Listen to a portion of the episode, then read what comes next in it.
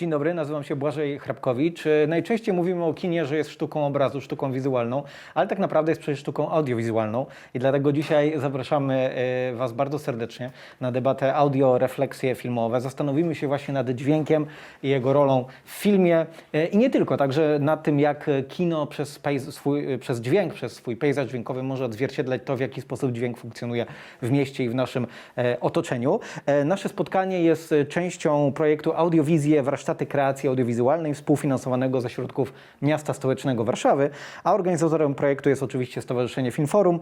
Nasze wydarzenie patronatem objęli Warszawska Szkoła Filmowa, czasopismo Ekrany, Filmosfera, Presto Filmowe, highfidelity.pl oraz audiostereo.pl. Bardzo dziękujemy. A teraz już e, czas, żeby przedstawić naszych e, gości. Jest z nami reżyser i producent dźwięku, który współpracował z takimi twórcami jak Andrzej Wajda, Jerzy Kawalerowicz, Jerzy Hoffman czy Krzysztof Krause, autor 120 rekonstrukcji arcydzieł polskiej kinematografii, Tomasz Dukszta. E, Jest z nami również reżyserka, scenarzystka, pisarka, autorka takich filmów jak Moje e, córki, e, krowy czy e, Plan B, Kinga Dębska. Montażysta filmowy, który ma na koncie prawie 20 fabuł, kilkanaście dokumentów, kilkaset filmów reklamowych, Rafał Listopad. Dzień dobry. Operator dźwięku filmowy i dokumentalny, autor dźwięku do takich filmów jak Sala Samobójców czy Wilkołak, a także do seriali, na przykład ostatnio serialu Król, czyli Mariusz Bielecki. Dzień dobry. Małgorzata Romanowska, e, naukowczyni, która zajmuje się współczesnymi oraz historycznymi dźwiękami Warszawy związanymi z różnymi aspektami ludzkiej aktywności oraz funkcjonowania przyrody. Dzień dobry. Dzień dobry, witam serdecznie. E, Zacznijmy od f- dźwięku w e, filmie, tak konkretnie. To znaczy e, dźwięku jako elementu narracji w filmie, jako elementu kreacji w filmie i tego, jaką rolę właściwie w filmie e, odgrywa plan dźwiękowy. I od takiego pytania, czy w czy w, była taka sytuacja, może wciąż jest w polskim kinie, że trochę się tego e, e, dźwięku jako elementu kreacji w filmie nie docenia, e, że to może być właśnie kreacja, a nie tylko rejestracja dźwięku zastanego. E, I najpierw z tym e, pytaniem zwrócę się do Ciebie, Kinga. Tak sobie myślałam, jadąc tutaj, jak tutaj zacząć rozmawiać o dźwięku. E, Prawda, przyjęło się mówić, że polskie filmy mają zły dźwięk, przepraszam, mówię to w, otoczeniu specjalistów, ale tak się mówi wśród widzów, że... Polskie filmy nic nie słychać. Tak, polskie filmy nic nie słychać. E, Być może e, kolega mi mówi, być może i bardzo dobrze, że nie słychać. Także przepraszam, ale już jakby koniec, kończę, kończę z żartami, ale tak sobie myślę, że z dźwiękiem w filmie jest jak ze zdrowiem. Dopóki go mamy, dopóki słychać, to go nie zauważamy. Dopiero kiedy jakby coś jest nie halo, to wtedy zauważamy, o kurczę, dźwięk. Jest dźwięk.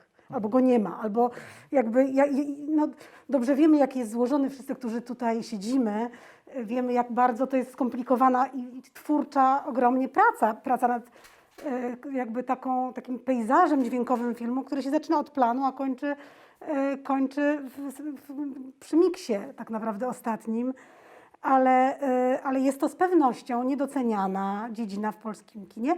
I tak sobie myślę, że y, też y, dźwiękowcy są bardzo dużymi team play- playerami. To nie są y, tacy liderzy, którzy y, jak reżyser pójdzie i po prostu powie mój film i tak dalej.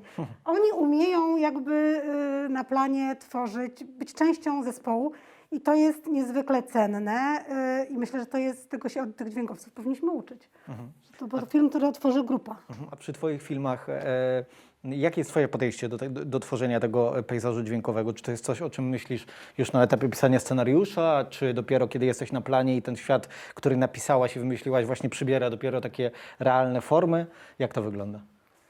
Wiesz, to jest tak, że no przecież piszemy te dialogi, prawda? Piszemy, to, wyobrażamy sobie to wszystko i obraz i dźwięk sobie człowiek wyobraża, jak pisze. E, Potem przychodzi plan. E, Zazwyczaj dźwiękowiec na planie, ja lubię jak dźwiękowiec na planie jest potem tym samym dźwiękowcem, który robi postprodukcję dźwiękową, bo wtedy sam może odpowiadać za swoje błędy. Doskonale kogo obwinić. Jest jedna osoba, w którą mogę tak. rzucić kamieniem. Bardzo wygodne. Tak. I, e, no i potem jest kwestia jakby tych prób. Ja, ja uważam zawsze, że aktor powinien mieć totalną jakby wolność i nie lubię dźwiękowców, którzy każą aktorom, to w serialach mi się kiedyś zdarzyło, grać w kapciach, że po prostu, bo człowiek w kapciach jakby czuje się zupełnie inaczej niż człowiek na szpilkach. Znaczy kobieta na szpilkach to jest po prostu zup- kwestia myślenia, ale już teraz taki, to chyba odeszło do lamusa. Już nie ma takich dźwiękowców, którzy każą aktorom chodzić w kapciach bądź skarpetkach. Nie, w skarpetkach to mi się jeszcze zdarzyło, żeby, żeby nie tupali podczas, nie, nie zatupywali dialogów. Nie no, także to, to wtedy jest kwestia tak, taka, żeby to zrealizować wszystko, co, co się by chciało na, na planie, ale potem tak naprawdę kreatywna praca nad dźwiękiem to się zaczyna, kiedy już się kończy montaż i się jakby jest, już- jest już oczyszczone to wszystko i wtedy możemy te set ścieżek wyżej, niżej, trochę dodawać. To się, to się po prostu tworzy naprawdę, y, to jest dzieło, to jest w ogóle to jest tak skomplikowane. No to jest, no, w obrazie mamy, no nie wiem, jedną ścieżkę obrazową, mamy tam, nie wiem, na, na tym awidzie mamy, nie wiem, cztery paski czy coś, a tutaj mamy, no nie wiem ile, 100, 200? No dużo. Dużo więcej niż na widzie. dużo. E, tak, Ki- Kinga powiedziała o e, tych e, team playerach, tak? graczach drużynowych, jakim są e, dźwiękowcy. No właśnie, to jest, jest z nami operator dźwięku filmowy i dokumentalny, Mariusz Bielecki. Do Ciebie się teraz, Mariuszu, zwrócę. Rozumiem, że jakby jesteś team playerem, że tutaj nie, będzie, że nie, nie będziesz zaprzeczał. Bywa słowa różnie. Od, zależnie od reżysera i, i projektu. Okej, dobrze, rozumiem. Ale też z Twojego punktu widzenia, jak, czy w ogóle ta świadomość właśnie roli dźwięku w kreacji świata przedstawionego w kinie, e, roli dźwięku w opowiadaniu historii e, i w kontekście też współpracy dźwiękowca z reżyserem i takiej świadomości ze strony reżyserów i reżyserek, że no, ten dźwięk jest po prostu tu też budulcem filmu. Czy zauważyłeś pewną zmianę? Jakie są Twoje doświadczenia tutaj w Polsce z tym? E, Zmiana jest duża. Znaczy, jak zaczynałem w latach 90., to był ten przełom, kiedy przestawało się grać piloty, zaczęliśmy grać setki. To było bardzo trudne, bo graliśmy filmy na taśmie, gdzie taśma była droga i każde zepsute ujęcie było bardzo kosztowne i, i to było bardzo stresujące dla, dla nas, bo mieliśmy przy takim filmie jak Quo Vadis, y, mieliśmy dwa mikroporty na cały film. I to powiem szczerze... Polska superprodukcja Nie, w latach słuchajcie, powiem 90. szczerze, że to przy, przypadkiem się udało, że mieliśmy te mikroporty, bo Wydział Zdjęciowy Telewizji Polskiej nie miał ani jednego, mikro, filiał filmowy Telewizji Polskiej nie miał ani jednego mikroportu. Udało mi się załatwić z, wy- z Wydziału Zdjęciowego ekip ENG, które robią programy y, telewizyjne. I o- dostaliśmy dwa, s- dwa mikroporty, dwa, dwa XLR-y i data i tak, y, tak nagrywaliśmy stu, studniowy film, film, który miał 100 dni zdjęciowych. Y, Gdyby jeden z tych mikroportów się zepsuł, no to byłby problem. tak, szczególnie na wyjeździe w, w Tunezji czy we Francji. E, To były trudne czasy dla, dla dźwięku, bo, bo, bo wielu reżyserów, wielu aktorów było nauczonych nagrywać e, piloty. I było tak, że aktorzy nas prosili, że A wyjaśnijmy, y, co to są y, o, o, o już tych powiem. pilotach. E, e, o, Standardowo teraz gramy setki, czyli ten dźwięk, który aktorzy mówią, nagrywamy setkowo i oczyszczamy po to, żeby on był szedł do filmu tak, jak był powiedziany na planie. Dawniej, jak były, kamery były głośne, czy, czy plany zdjęciowe były e, na taśmie e, światłoczułej i nie było możliwości dobrze zarejestrować dźwięku, bo technika na to nie pozwalała. Sprzęt dźwiękowy, e, nie, był, nie było cichych agregatów, przypuśćmy, czy obiektów, to nagrywało się piloty, czyli dźwięk pilotowy, którym potem aktor wchodził do studia, dostawał słuchawki, obraz na, miał wyświetlany na telewizorze lub na projektorze i jeszcze raz nagrywał w studio e, te swoje e, teksty. I tak to się nazywa postsynchronami, tak? że aktor nagrywa postsynchrony. I tak, i tak, tak to było robione. Ten mom- moment lat 90., kiedy przechodziliśmy na, na setki, był bardzo trudny, bo aktorzy jeszcze nie wszyscy byli nau- nauczeni grać z, y, setki. Nie było, na, tak jak mówię, czasu na to, żeby dopieszczać ten dźwięk, czyścić plan i, wal, i była walka. I to, co mnie się przypomina z tamtych lat, to, że moi też y, men, mentorzy i nauczyciele byli bardzo sfrustrowanymi ludźmi, bo musieli walczyć o ten dźwięk. I to, co mi się podobało, po- po- y, Franek Kozłowski, który dostał nagrodę w Gdyni teraz za dźwięk, kiedyś powiedział, że on jednej rzeczy od początku swoich studiów do tego czasu nie może zrozumieć, że o dźwięk trzeba walczyć. I że on, dla niego to jest niezrozumiałe, że o dźwięk trzeba walczyć za każdym, w każdym miejscu, na każdym, w każdym dniu i to się zmienia na szczęście. I teraz właśnie chcę do Twojego pytania przejść, że to się na szczęście zmieniło. Przyszły lata, gdzie y, reżyserzy zaczęli doceniać, że dźwięk nagrany w studio, pos, y, postsynchrony nie są, nie zawsze są tak wiernie zagrane, nie oddają tej prawdy, bo potem może dźwięk, słuch ma pewną, mm, percepcja słuchu pozwala na to, że my doceniamy pewne różne rze- rzeczy, tak jak ton, energię głosu, barwę głosu, emocje. w obrazie tego nie ma. Jak widzimy biały kolor, to my nie, nie rozszczepiamy to, że to jest wiele kolorów połączonych w jeden, który tworzy biały. Widzimy biały, ale w dźwięku możemy wyczuć energię, emocje, głos, barwę. I, y, I to wszystko właśnie okazało się, że nagrywając dobrze setki, i aktorzy są bardziej prawdziwi i bardziej y, y, odbierani na, naturalniej. Ale nadal chwilami powiem szczerze, jest to walka, bo y, jak już aktorzy czy producenci zrozumieli, że dobrze jest mieć te setki, to znowu już weszło kino producenckie, co powoduje, że y, mamy, nie wiem, kilkanaście scen dziennie w, w serialu. y, I, I teraz walka o dźwięk, żeby oddalić agregat, wyciszyć podłogę, podkładki, podpalić buty. Nie zdejmowałbym e, aktorom butu, dlatego że właśnie pozycja aktora i kostiumy dają, pozwalają mu wejść bardziej w rolę. Ale więc nie, chyba nie pozwoliłbym sobie na to, żeby aktor zdjął buty, bo też, tak jak mówię, inaczej chyba się prezentuje, czuje, chodzi, ale musimy te buty podkleić, więc na to potrzebny jest czas. I, i, na tym etapie ciągle to jest ta walka, że dźwięk jest zawsze ostatnim etapem, yy, tak jak się na, przeważnie dźwiękowca wybierze na końcu, wybiera ekipę dźwiękową. Jak aktor jest gotowy, ubrany w kostiumy, ubrany, yy, ucharakteryzowany, kamera już jest gotowa, światło ustawione, wtedy aktor mamy my do dyspozycji. Ale jak już to wszystko stoi, to reżyser bardzo chce już grać, bo już ma kamerę, No bo tak. już ma wszystko. I potem jest takie poganianie nas, co powoduje, że my też jakby walczymy z czasem, a przez to musimy walczyć na, ten dźwięk. Mhm. Ale tak jak powiem, powiedziałem, cza, czasy są dużo lepsze niż były. Mhm. Znaczy na szczęście wszyscy sobie zdają sprawę łącznie z producentami, że dobry dźwięk to jest też dobry fi- film i, i, dobrze, i wtedy jakby jest to całe dla całego projektu lepsze. Yy, bardziej jest lepiej, projekt, od, projekt filmowy jest lepiej odbierany. Czyli ta współpraca między operatorami dźwięku i reżyserami w tym momencie jednak układa się już takim, e, stoisz pod znakiem takiego większego zrozumienia dla roli dźwięku doniosłej w filmie. Tak, tak, to już się zmieniło. To, że ja słyszę od reżysera, że muszę nagrać OFA, który jest zapisany w planie zdjęciowym i, jest ważny dla filmu, bo, bo też OFy coś muszą powiedzieć, przedstawić, a reżyser mówi, nie, nie mam czasu, idź sobie gdzieś na bok, nagraj te OFy. Y, No to takie rzeczy były i albo, że coś musieliśmy nagrać dźwiękowo, to, to reżyserom to przeszkadzało, bo uważali, że to już nie, nie jest ich, ich działka. Takie też były y, czasy. Na szczęście nie, już to się zmieniło.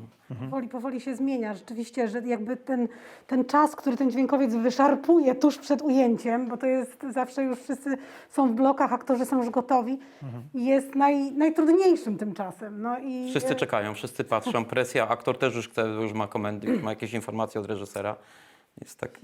Ale to, ale to się rzeczywiście zmienia i się, kiedy dźwiękowiec mówi, że jest źle, to powtarzamy dla niego i teraz nie, nie ma takich sytuacji, żeby tak się nie robiło. Tak. już. Mhm. E, Tomasz, e, ty jako e, reżyser dźwięku i producent, no już, ale już nawet słowo reżyser nam trochę, wracając do tego pytania o dźwięk jako element kreacji w filmie, no to już nam pokazuje ten element kreacji, że ten dźwięk trzeba wyreżyserować, trzeba go sobie jakoś wyobrazić i zrealizować. Z twojego punktu widzenia, co jest najważniejsze w kontekście e, roli dźwięku w opowiadaniu historii w filmie? E, I w roli, e, jaka jest najważniejsza rola dźwięku w kinie i jak, w jaki sposób właśnie dźwięk może pomóc, żeby pewne znaczenia zaakcentować, pewne elementy filmu, pewne emocje. Jak na to patrzysz? To ja mm, chyba bym stawiał na jakąś prawdę. To znaczy, widz, który ogląda film, y, musi mieć poczucie, że to jest kompletne, spójne dzieło audiowizualne. Znaczy, prawda i y, brak jakiegokolwiek nieprawdziwego elementu w dźwięku jest, jest chyba tutaj absolutnie najważniej, najważniejszy. No, Marek Koterski zawsze, z którym wiele filmów zrobiłem, łącznie z Dniem Świra i Wszyscy jesteśmy Chrystusami, zawsze uczulał na to, że widz nie może odskoczyć od oglądania filmu. Jeśli poda się mu jakiś niewłaściwy element, który nie pasuje do danej sytuacji, to my go po prostu stracimy na chwilę i on do końca filmu już nam po prostu nie będzie wierzył. I to jest chyba najgorsza sytuacja, która się może zdarzyć, to znaczy stracić własnego widza w trakcie oglądania filmu. A takich pokus na stracenie y, tego widza jest rzeczywiście bardzo dużo, bo tak jak Kinga powiedziała, tych elementów jest no naprawdę wiele. W zasadzie można w pewnym momencie powiedzieć jakaś gigantyczna ilość. I umiejętność wyboru tych wszystkich elementów, dopasowania ich, ale też bardzo często rezygnacji z wielu elementów po to, żeby y, y, nadać jakiejś scenie specyficzne znaczenie, ciekawsze, bardziej prawdziwe itd., itd. jest, jest y, chyba taką esencją tego zawodu. To znaczy, wygląda to prawdę mówiąc tak, że najpierw przygotowujemy tych 500 czy tam 700 obojętnie ścieżek, a czasami okazuje się, że w trakcie pracy wyłączamy je wszystkie, zostawiamy samą muzykę. I dopiero wtedy pojawia się jakaś prawda, pojawiają się emocje. I to trzeba wyczuć na poziomie danej sceny, połączenia scen, y, całego filmu. Bardzo, bardzo wiele kombinacji jest tutaj i najfajniej byłoby je wszystkie przećwiczyć, sprawdzić rzeczywiście jak działają, ale my, my z kolei mierzymy I się... po czterech miesiącach e, znaleźć rozwiązanie. E, dokładnie tak. No my mierzymy się z tym, że, że, że w dzisiejszych czasach musimy tą postprodukcję robić po prostu bardzo szybko.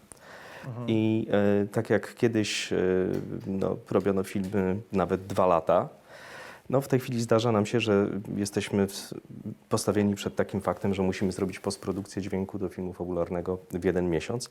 Co oczywiście też jest możliwe, bo, bo, bo postprodukcja dźwięku to nie jest w dzisiejszych czasach zadanie dla jednej osoby. To robią już dosyć duże, bardzo y, zorganizowane zespoły. I niestety ten krótki czas przekłada się na to, że niestety nie mamy możliwości sprawdzenia pewnych wrażeń. Musimy polegać na intuicji, na doświadczeniu, a czasami warto mieć chwilę na to, żeby po prostu pogłówkować i zaproponować coś ciekawego. Mhm. Y, Powiedziałeś przed chwilą o, mm, o prawdzie e, dźwięku i o tym, żeby rzeczywiście widz się nie odkleił i żeby tutaj była pewna wiarygodność. I to, oczywiście to, myślę, że ta prawda jest bardzo powiązana z tym, jak, jak odbieramy dźwięk w ogóle, jaką mamy percepcję dźwięku. I tutaj, Gosia, do Ciebie bym się, w Twoją stronę bym się zwrócił. E, Zajmujesz się e, dźwiękiem naukowo, zajmujesz się dźwiękami Warszawy, czyli dźwiękami miejskimi. I e, zastanawiam się właśnie, na ile to, w jaki, w, w jaki sposób my, ludzie żyjący w mieście, jak my odbieramy tę sferę dźwiękową, co charakteryzuje tę miejską sferę dźwiękową e, i jak bardzo w ogóle to się później prze, może przenosić na to właśnie, w jaki sposób odbieramy dźwięk w kinie. Znaczy, przede wszystkim chyba należy sobie powiedzieć, że o tym, jak odbiera człowiek, chyba najlepiej wiedzą ludzie, którzy nagrywali kiedykolwiek dźwięk w otoczeniu, które jest głośne. W sytuacji, w której każdy z nas słyszy dźwięk, e, jest w stanie rozpoznać mowę, no potem to odczytujemy i wiemy, jak to wygląda, wiemy, jak to słychać. Tam nie jest w stanie się ods- odsłuchać e, ani mowy, ani tego, co tam się dzieje, więc Rolą, e, którą naprawdę podziwiam e, osób, które są związane z filmem, jest to, żeby jednocześnie odtworzyć tę rzeczywistość, ale z drugiej strony no, mieć na uwadze to, że to nie może być jedno, jeden do jednego, tylko to musi być wyreżyserowane, udawać naszą prawdziwą percepcję. E, Drugą sprawą jest to, co się przewijało wielokrotnie, bo oddzielamy tę audio, audio od wizji. Natomiast tak w rzeczywistości trochę to wygląda w ten sposób, że odbieramy rzeczywistość całościowo. Znaczy nie ma takiego, w naszym mózgu nie ma podziału takiego tutaj słyszymy, tu widzimy, tu czujemy, tylko tak naprawdę na dość wczesnym etapie e, przetwarzania naszych bodźców z zewnątrz mamy po prostu obraz świata oparty na wielu zmysłach. E, Więc e, to, co mówicie, że jak jest jakiś film i, i, jest pewna nieadekwatność dźwięków i dopiero wtedy je zauważamy, to właśnie świadczy o tym, o tej takiej wielo, e, wielomodalności tego, co odbieramy, więc to trzeba mieć też na, na uwadze. I w rzeczywistości też tak jest. To znaczy, jeżeli poruszamy się po mieście, to nie oczekujemy tego, że będziemy słuchać tego, co słychać w lesie. E, Jeżeli e, robiłam badania dotyczące dźwięków, tego jak ludzie chcieliby słyszeć dźwięki w mieście, no to mówili otwarcie, że jakby rozumiem, że jest miasto, jest głośno, e, więc akceptuję pewne aspekty funkcjonowania życia w mieście. E, Ja chciałabym zaznaczyć, że największym problemem chyba w tym wszystkim jest to, że my w ogóle nie mamy edukacji dotyczącej dźwięków. To znaczy od wczesnego, od wczesnego dzieciństwa gdzieś tam się może pojawia muzyka w szkole, ale przez to, że ten wzrok jest dominujący, jest dominującym e, zmysłem, no to się s- s- jest w ten sposób, że w- mało naszej rzeczywistości dotyczy dźwięków. E, W latach 70. Raymond Murray Schaeffer stworzył właśnie taką e, dziedzinę wiedzy jak ekologia dźwiękowa i on wtedy e, chciał, żeby ludzie zaczęli zwracać uwagę na tę sferę dźwiękową. Pamiętajmy, to były czasy zaraz po, po, te, po tej wielkiej industrializacji, samochody są wprowadzone do miast i nagle się okazuje, że kompletnie zaniedbaliśmy tę sferę i musimy coś z tym zrobić. I to jest cały czas trwający proces od lat 70., żeby w ogóle myśleć o dźwiękach, żeby e, nie tylko w filmie, ale w ogóle w naszej rzeczywistości była ta świadomość znaczenia dźwięku. E, I chyba to jest najważniejsze. To, to się potem przekłada na to, że w filmie też to jest jakieś drugorzędne, natomiast nie jest, bo dźwięk to jest, dźwięk to jest aktywność. Bez e, aktywności nie ma dźwięku. E, dźwięk ma to do siebie i to w- filmie no, oczywiście wi- wiadomo jest wykorzystywane, e, ma to do siebie, że jest całościowy, tak? Jak mamy wzrok, to jest to skupione, są jakieś miejsca, natomiast to nas in, informuje o całym świecie naokoło. Ewolucyjnie jesteśmy przystosowani do tego, żeby e, słuchać dźwięku, bo to cały czas analizować, żeby wyłapywać to, co może być niebezpieczne, to, co może być interesujące. E, Usłyszymy nasze imię, mimo że nie słuchamy innej rozmowy, to usłyszymy. To jest ten efekt cocktail party. Więc e, e, Ładnie się nazywa bardzo. Mam za to kilka innych efektów cocktail party, ale to wpływają na percepcję również. E, No więc tak, no to jest bardzo bogaty temat i chyba nie chcę też za bardzo w tej chwili przedłużać, ale dość ciekawą rzeczą jest to, że za każdym razem, kiedy gdzieś tam te moje naukowe tematy są podniesione, to nagle dużo ludzi się odzywa o, o wielu aspektach ich życia, o których normalnie nie mogą powiedzieć, bo nie mamy w ogóle instytucji zajmujących się tym dźwiękiem. Kiedy mówimy w Unii Europejskiej o dźwięku, to mówimy tylko o hałasie, ale ten hałas jest mierzony całościowo, tak? Jest tylko poziom hałasu.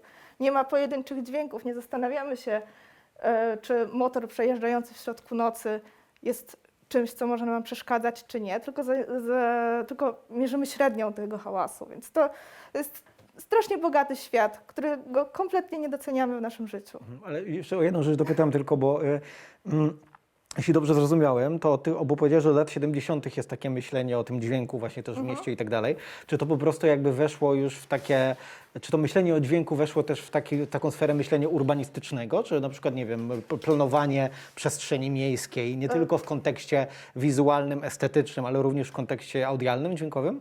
Oczywiście są takie ruchy, natomiast e, są to tak naprawdę pojedyncze, indywidualne jakieś inicjatywy oddolne, albo jak są jakieś władze, które są tym zainteresowane. Natomiast e, na przykład polskim problemem jest to, że te e, kilkanaście lat temu zostały wprowadzone te właśnie wymogi unijne dotyczące dźwięku.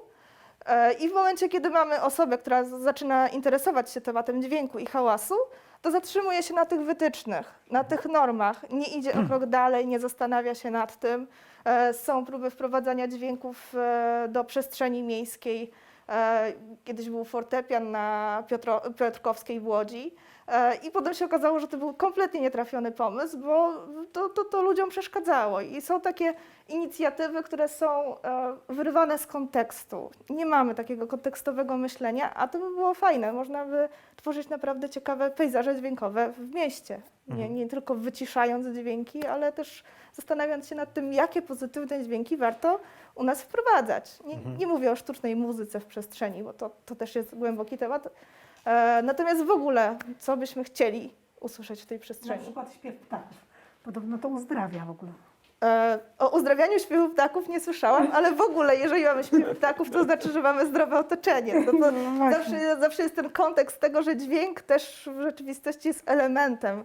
Tak, że jeżeli myślimy i wprowadzimy myślenie o dźwięku, to zapobiegniemy wielu konfliktom, e, nie tylko akustycznym, ale takim związanym w ogóle z myśleniem funkcjonalnym o naszym otoczeniu. Nie tylko czyste powietrze, ale też oczywiście taka skonstruowana dobrze przestrzeń dźwiękowa też pewnie na zdrowie psychiczne może bardzo dobrze wpływać. To pewnie y, te, te, o, o to, o to tak. chodziło. Są, są wyniki badań, które pokazują nie tylko, to nie jest tylko kwestia zdrowia psychicznego, to są choroby serca, są choroby układu oddechowego związane z hałasem, bo tutaj wcześniej wątek był tego, że my czegoś nie słyszymy. To nie jest tak, że nie słyszymy.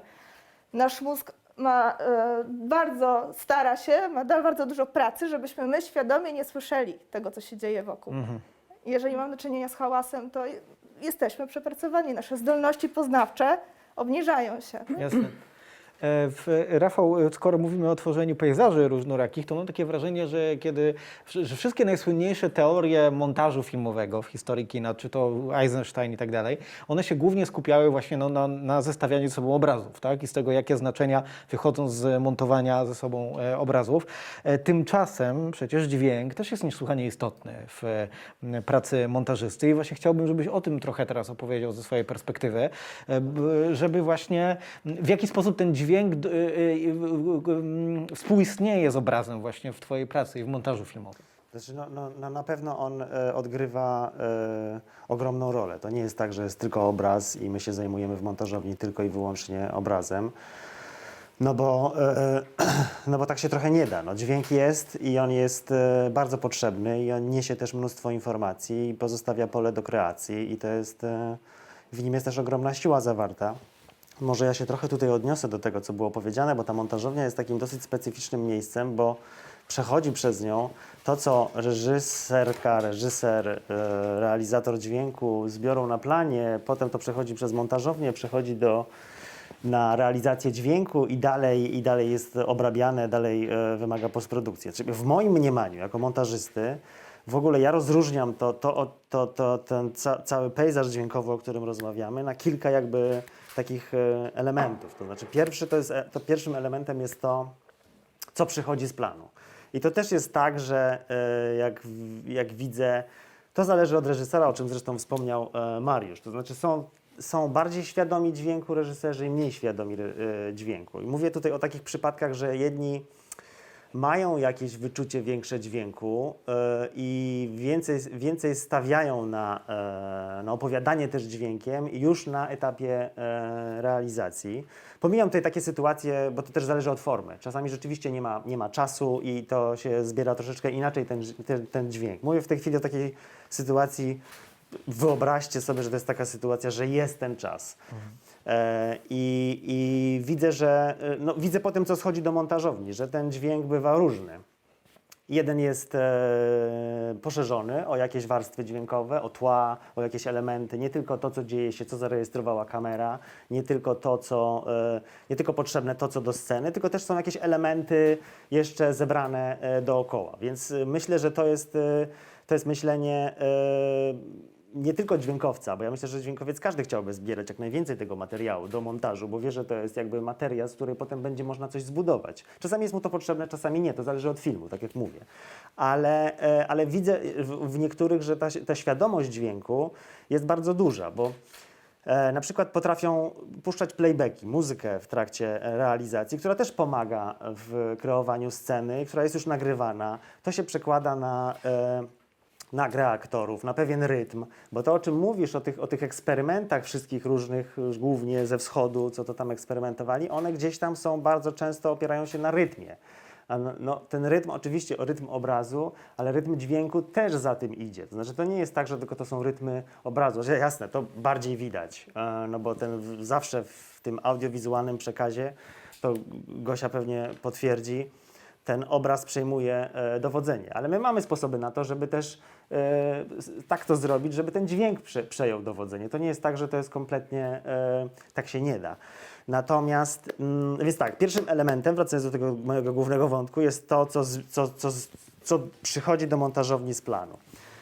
Następnym elementem jest to, co w trakcie montażu my kreując sceny, podbudowując narra- budując narrację, wspierając ją, to staramy się to wszystko zrobić jak najlepiej, zgodnie z, z, z, toczącą się akcją i tam jakimiś różnymi zasadami.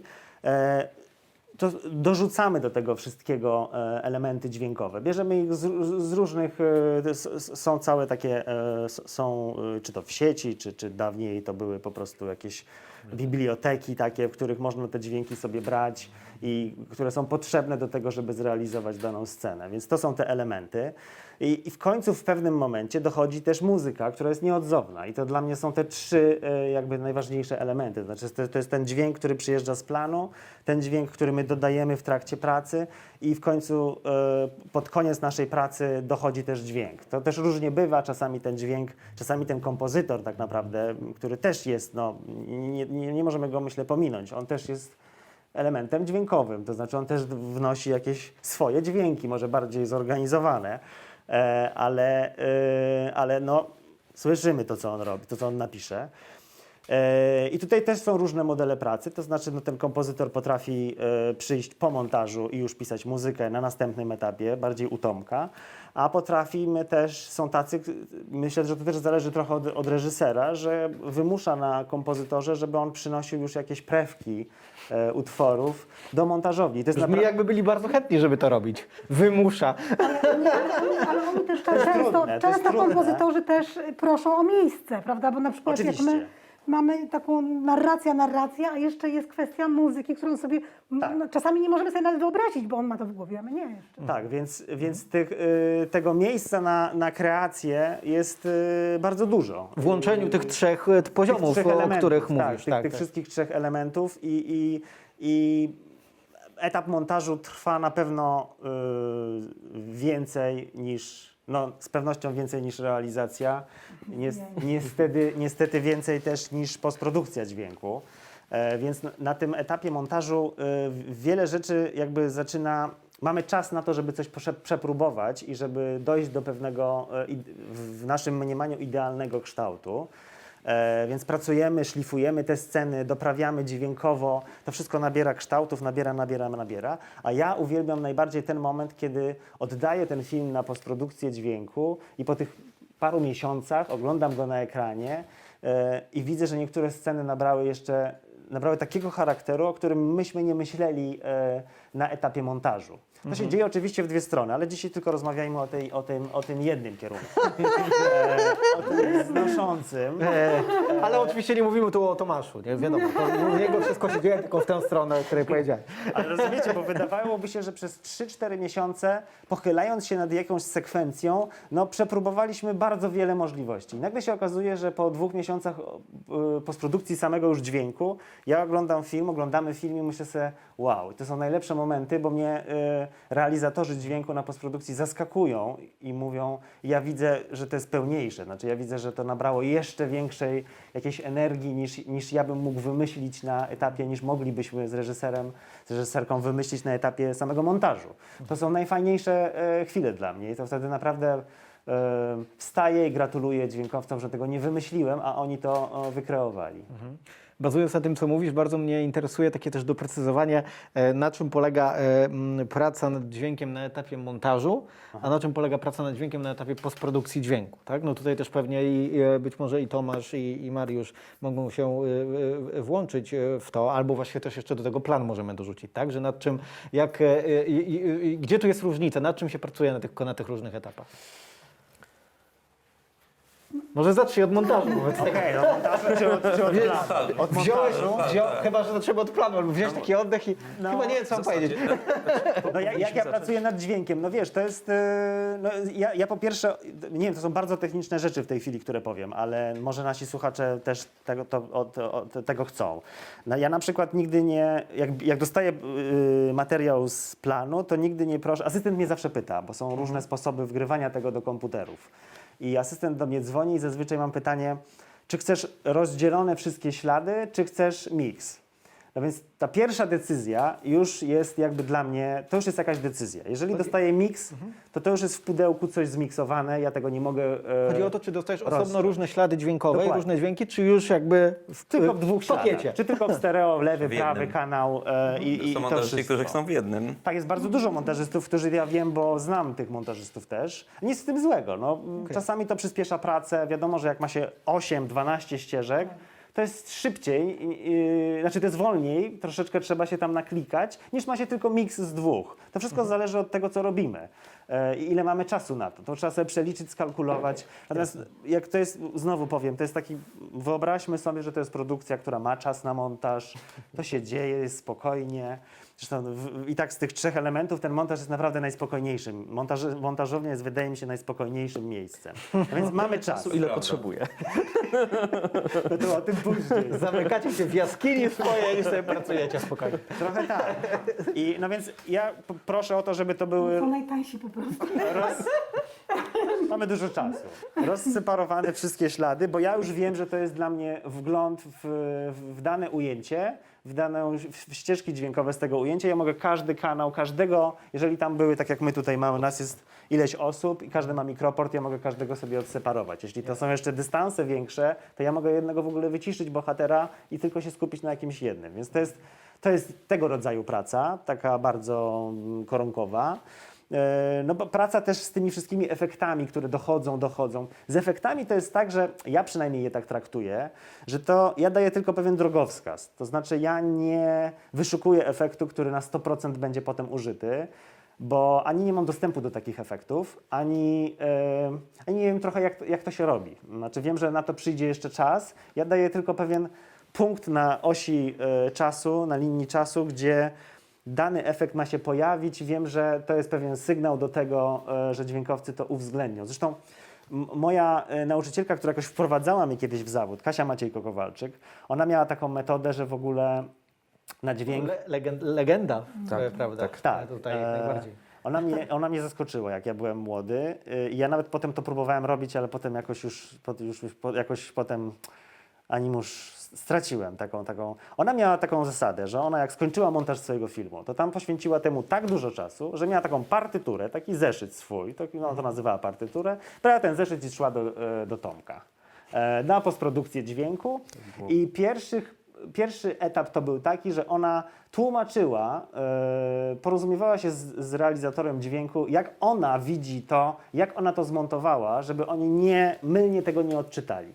To była dobra praktyka. Teraz na to, tego się w tej Ona chwili jest, nie stosuje. ona jest genialna, bo ona po, pozwala w zasadzie ciągłość od planu przez montaż cały czas robić ten sam film i go w pewien sposób polepszać. To znaczy robić go coraz lepszym, a nie na każdym etapie. y, Każdy roz, rozpoczyna robienie nowego filmu. Bo, bo czasami się tak zdarza, kiedy zespoły są niezgrane, że rzeczywiście e, e, ktoś nie odczytał intencji wcześniej, ktoś e, następny znowu nie odczytał i, i później nie wiem, e, koledzy Ślepi z, z tacy. Idą na, na, na premierę i się dziwią, czy to jest ten sam rzeczywiście film, który robiliśmy.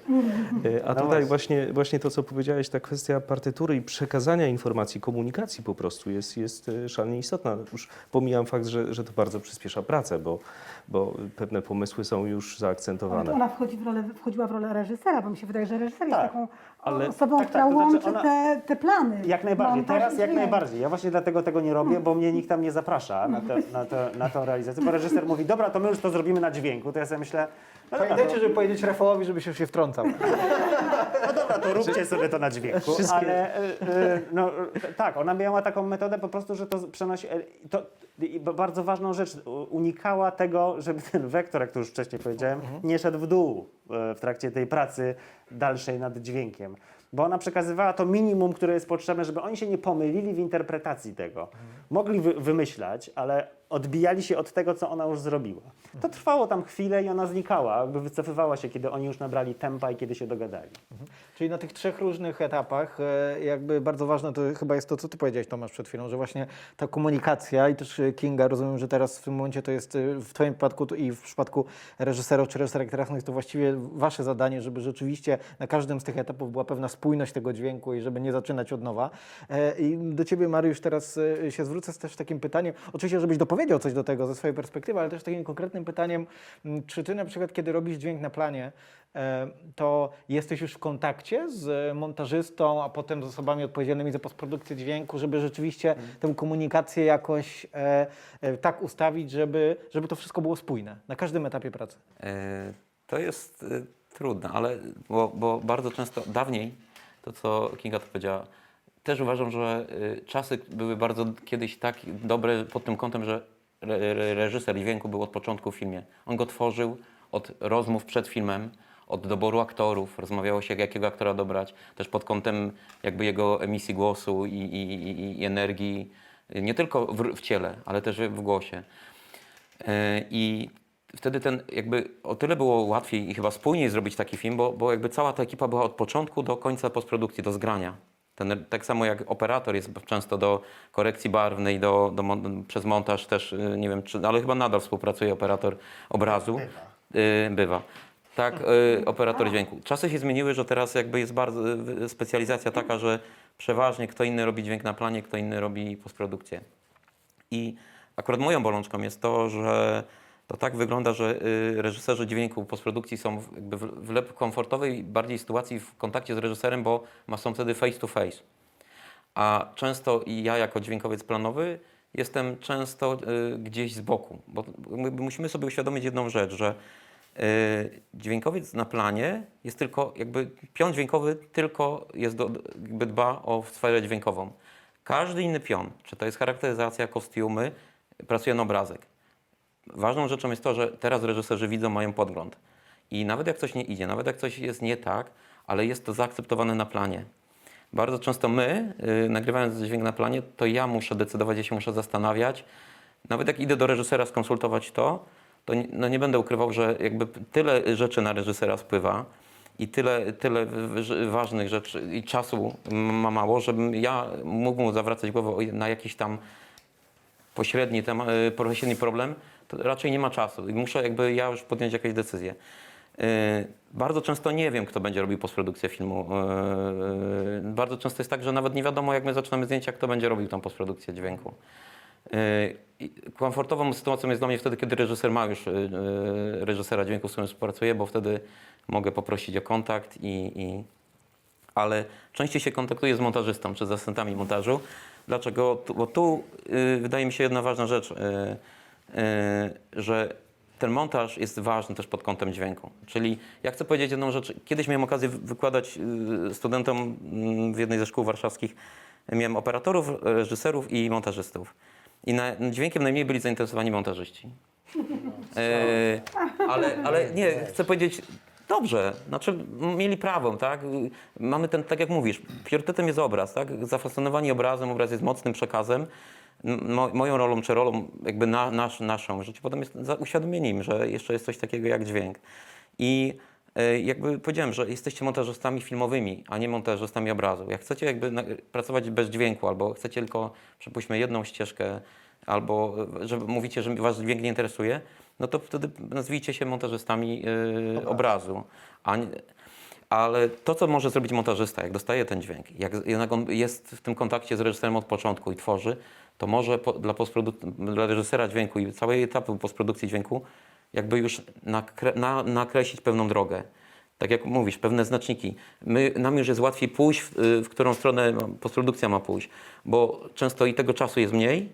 Yy, Często re- reżyserzy dźwięku pracują jeszcze bez reżysera, dostają jakiś do oczyszczenia materiał, a już na etapie y, pierwszych, y, nie wiem, dni mogą coś, czegoś już sobie w głowie budują, tak? Wyobraźnię, i co użyć, jak zbudować, jak ten, jak ten dialog, który, który dubel dźwiękowy wybrać. yy. Więc myślę, że twoja rola i fajne jest to, że, co mówisz, bo jak ja dzwonię do po- postprodukcji obrazu i do asystenta montażu, mówię, słuchaj, gram ci dwa ślady miksu, resztę masz y, ślady wyseparowane, gram je polywave, czyli wszystkie ślady są połączone. Chcesz? Y, montażysta nie chce pracować na 10 czy 20 śladach, co ja akurat rozumiem, bo przy każdej sklejce robi się y, nie 10, tylko 20 śladów, dołożysz muzykę, efekty, nagle masz 40 śladów na timeline. Słuchajcie, jest tam 40 pasków y, szerokości pół milimetra i odczytaj, co jest gdzie, albo znajdź. Bo wiadomo, że jeszcze musi być na timeline obraz, tak? I, i, i... Ale on zajmuje już mało. Tak, i już, więc ja rozumiem, że zrozumiałem, poznając Zawida, że to jest bardzo trudne, jak, jak montażysta musi pracować na wielu ścieżkach dźwiękowych, ale zawsze o to proszę, że daję mm, polywave po to, żeby asystent montażu montażyście odhaczył resztę śladów i dał ten miks, ale te ślady mają być na etapie montażu, bo jak y, montażysta stwierdzi, że chce użyć innego dubla, bo ten dubel miał inną energię, bo było, nie wiem, oddech. Słuchajcie, to jest, e, śmieją się nieraz moi asystenci, że jak e, aktor nic nie mówi, a chce, żeby założył mikroport. Ale tak mówię, że e, nauczyłem się kiedyś, że nieraz nawet oddech albo y, przenosi jakąś energię, westchnięcie, Emocje też może. emocje, tak. Coś tam ktoś pod nosem coś powie albo coś. To, i to, to naprawdę... Ja mm, bym mogła Ci wejść w słowo, bo ja jakby taki przykład konkretny mi się przypomniał, bo ja uważam, że y, dź- nasz głos, dźwięk przenosi energię, to bardzo silnie przenosi energię tego człowieka.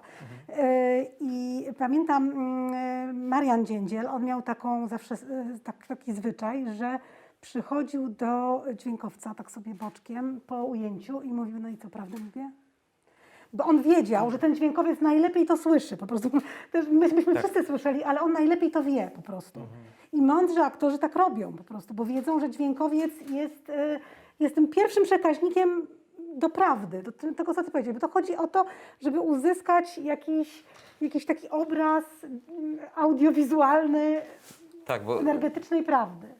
No to jest prawda, bo jest coś takiego na planie, że, że wszyscy y, bardzo dużo, dużo szczegółów spływa do producenta, reżysera, wiadomo, kostiumy, scenografia, światło, y, y, prowadzenie kamery, y, więc y, a dźwiękowiec, który nagle tylko słucha i ma ten dźwięk blisko, bo ma go w uszach, ma go w głowie, y, jakby, a zna scenę, to wie i czy, może właśnie czuje, czy ta scena, czy ta, jest oddana ta scena, czy ona jest prawdziwa i czy jest to e, ta energia, szczególnie w połączeniu z obrazem lub nie. Nawet nieraz lepiej nie, widzieć, nie patrzeć, No żeby właśnie. się nie, skupi, nie skupić na... I właśnie czasami nie Dobra. patrzeć. Ale ja to najbardziej cenię w, w dźwiękowcach, że po prostu ktoś przyjdzie do mnie, po prostu kiedy jest, kiedy ja właśnie mam 70 tysięcy różnych problemów, e, już nic nie działa i po prostu dźwięk jest naprawdę ostatnią rzeczą, o której chcę myśleć. I on do mnie przyjdzie z jakimś pomysłem. I mówi, słuchaj, a może byśmy tak, a może... I to w ogóle ja strasznie cenię, bo ja wiem, że on wie inaczej, że on widzi coś innego, inną część tego obrazu i najczęściej się go słucham i są z tego naprawdę różne super rzeczy. Jasne. E, słuchajcie, mamy dwa pytania od naszych widzów. E, pierwsze pytanie jest od pana Mateusza. I mamy widzów. tak, tak, i mamy na to namacalne dowody. Właśnie czytam pierwsze pytanie. E, pan Mateusz pyta, czy reżyser powinien ustalać ilustrację dźwiękową na etapie preprodukcji i czy dźwiękowiec jest odpowiedzialny za tę wizję? Kinga, może od ciebie No zaczniemy. dobrze, no, ja, ja myślę, że może być różnie. E, różne są drogi dojścia do dobrego filmu. Najważniejsze jest to, żeby efekt był dobry. I e, mm, bardzo ubolewam nad tym, że w szkołach filmowych nie uczy się młodych reżyserów e, dźwięku. Tak jak bardzo wiele jest zajęć i montażu obrazu, i kolaboracji z, montaż, z, z operatorami, no to Yy, mało jest tych, się tak naprawdę, ja też się w, w praktyce nauczyłam yy, pra, dźwięku, dźwiękiem, mhm. pracy, pracy, pracując na planach. Yy, Także może to być różnie. Często jest tak, że sobie coś wymyślamy, reżyserzy, coś mamy w głowie, a potem kompozytor nam wywraca wszystko do góry nogami i mówi, albo spróbujmy tak. I to jest też yy, jakby, i to jest im bardziej interesujące. Więc fajnie jest mieć swoje zdanie, ale dobrze jest dopuścić do dyskusji innych współtwórców, bo y, ja uważam, że reżyser nie jest alfą i omegą i po prostu to jest podstawa, żeby po prostu traktować współpracowników jako współtwórców tego filmu. Potem oczywiście, że ja, ja decyduję, że na przykład nie, bo takie jest prawo reżysera, No że może jasne. powiedzieć nie, ale ważne, żeby posłuchać. Więc Czy, tutaj pytanie, czy dźwiękowiec jest odpowiedzialny za tę wizję? Rozumiem, że ani ty, Mariusz, ani ty, Tomasz, nie, e, tej odpowiedzialności się nie wyrzekacie. Nie, absolutnie. Nie, nie, nie. Nie. No to bardzo się cieszę, ale e, w... Ale tu, tu jeszcze ale taki bo- bo, bo, tu jest pewnego rodzaju konfuzja, bo y, właśnie y, mówi się o nas reżyserzy dźwięku, realizatorze i tak dalej. Y, Jakkolwiek nie powiemy, pewne y, słowa są bardziej nobilitujące, natomiast ja cały czas uważam, że reżyser w filmie jest jeden. Y, I ta wizja, która jest, no, jest przynależna jednak reżyserowi. Bardzo miło, że, że, że nazywamy się czasami reżyserami dźwięku. To, to wynika chyba z tego, że jest po prostu kierunek, wydział reżyserii dźwięku i, i takie wykształcenie otrzymujemy. Natomiast reżyser i scenariusz, czyli ta podstawa, słowo, y, czyli to skąd wszyscy czerpiemy, żeby, żeby zrobić coś, co później widzowie mogą oglądać, to są najważniejsze rzeczy. I reżyser zawsze ma prawo do tego, żeby zmienić, żeby wrócić, żeby wymyślić coś nowego i tak dalej, i tak dalej. A naszym zadaniem jest y, przepracować te wszystkie warianty i ewentualnie służyć jakimś głosem doradczym lub po prostu zaproponować jakąś kreację, która no, powinna być w duchu filmu, który, który jednak wspólnie robimy. A jeśli reżyser rzeczywiście, czy reżyserka ma e, na etapie preprodukcji już jakąś wizję tego, jak dźwięk ma wyglądać, to jak ma wyglądać dźwięk, to właściwie ciekawie to, mi- ciekawie to mi wyszło. E, Jak dźwięk ma brzmieć, e, jak ten pejzaż dźwiękowy ma, ma brzmieć, to dla ciebie, czy dla ciebie, Mariusz, no też dla ciebie może, Rafał, jest łatwiej wtedy? To tak, jest jest, taka... y, jest, jest łatwiej. Właśnie tak szukam w pamięci i znalazłem taki przykład znowu, y, gdzie y, kiedyś, no, stosunkowo niedawno robiłem taką scenę w filmie, gdzie było wiadomo już na etapie preprodukcji, że będzie użyta, są prawa do pewnej piosenek i te piosenki były użyte jako rekwizyty już na planie. I to było genialne, bo aktorzy po prostu, to nie leciało w trakcie, tylko oni mieli na słuchawce i mo- mogli sobie nucić to. To była polska piosenka i oni sobie, stara polska piosenka i on sobie nucił, mając to na słuchawce. Kamera była z tej strony, on miał to na tej słuchawce, znany polski aktor. I, no i to wyszło genialnie. No po prostu to już tak, to, to zrobiło tak scenę, to było wszystko w takim rytmie, Prawda to tak się działo, była taka prawda, że kurczę, no to także Najczęściej, pomaga. Bo to chodzi o to, że muzyka i dialogi sobie nawzajem no, przeszkadzają. Nie można na przykład nagrać e, imprezy z gadaniem i muzyką w tle, prawda, naraz. Tak.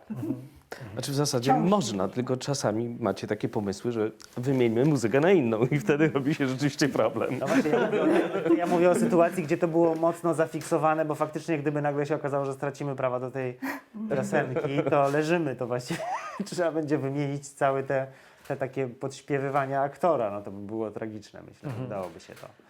Więc tak, to pomaga. No, w- Mariusz, w Twoim doświadczeniu rzeczywiście e, masz takie doświadczenie, że się reżyser przed pracą spotyka się z Tobą i mówi słuchaj, no taka jest moja wizja tego, żebyśmy rzeczywiście ten dźwięk zbierali w ten sposób, w ten sposób, żebyśmy tak pracowali i tak bym chciał, żeby ten film brzmiał. E, To rzadko. To już przeważnie jest jakby zaufanie y, takie, że producenta czy reżysera, że, że jakby wyzna, wyznacza to już plan zdjęciowy napisany, tak, czy obiekty. Myślę, że bardziej to ma znaczenie taka y, ilustracja dźwiękowa też w wyborze obiektów, w wyborze y, kiedy kręcimy, jaką porą, w jakim miejscu. I to już buduje jakby pewną, y, pewną możliwości na, na mnie i jakby mojemu zespołowi. A, ale my mamy na przykład takie przykłady, że faktycznie mm, byłem sam zaskoczony, gdzie, co mi się rzadko zdarzyło, ale ostatnio y, na filmie reżyserka chciała, żebym jednak na, przez cały film były głośniki na planie i były puszczone atmosfery różne. O, Bo na przykład była inscenizacja, był, ta, y, że była dźwięki przyrody albo jakieś ptaki puszczałem, które ściągałem na, na dialogi lub, lub nie. Jak poczułem, że jednak aktor przestaje być prawdziwy, to poświęcałem jakby tą setkę, czyli ten dźwięk y, kosztem tego, żeby, żeby był dubel lepszy, czy prawdziwy, czy, czy aktor miał pewną swobodę. Y, I to by- byłem zaskoczony i faktycznie było to dla mnie trudne, bo reżyserka wymyślała na, no, nagle, że ona chce, żebym jakieś dzwonki kościelne znalazł, a coś, y, ale nie takie, albo nie takie. Y, I to, to jest tak, że tu mam całą technikę swoją dźwiękową, rozbudowaną do nagrania dialogów a, i, i, i atmosfer, a tu nagle muszę jeszcze komputer i, i szukać, y, szukać y, inspiracji y, jakichś w internecie i pu- dopuszczać to, y, czy to na głośniki, czy do mikrosłuchawek y, aktorom, tak jak mówisz właśnie, żeby na przykład wszyscy równo zagrali, to wtedy, a nie chcemy, żeby tej muzyki nagrać na żywo, no to wtedy możemy takie mikrosłuchawki, które podobne dla niedosłyszących, czy jeszcze są jeszcze mniejsze takie ala szpiegowskie, które można schować do ucha i wszystkim puścić równolegle.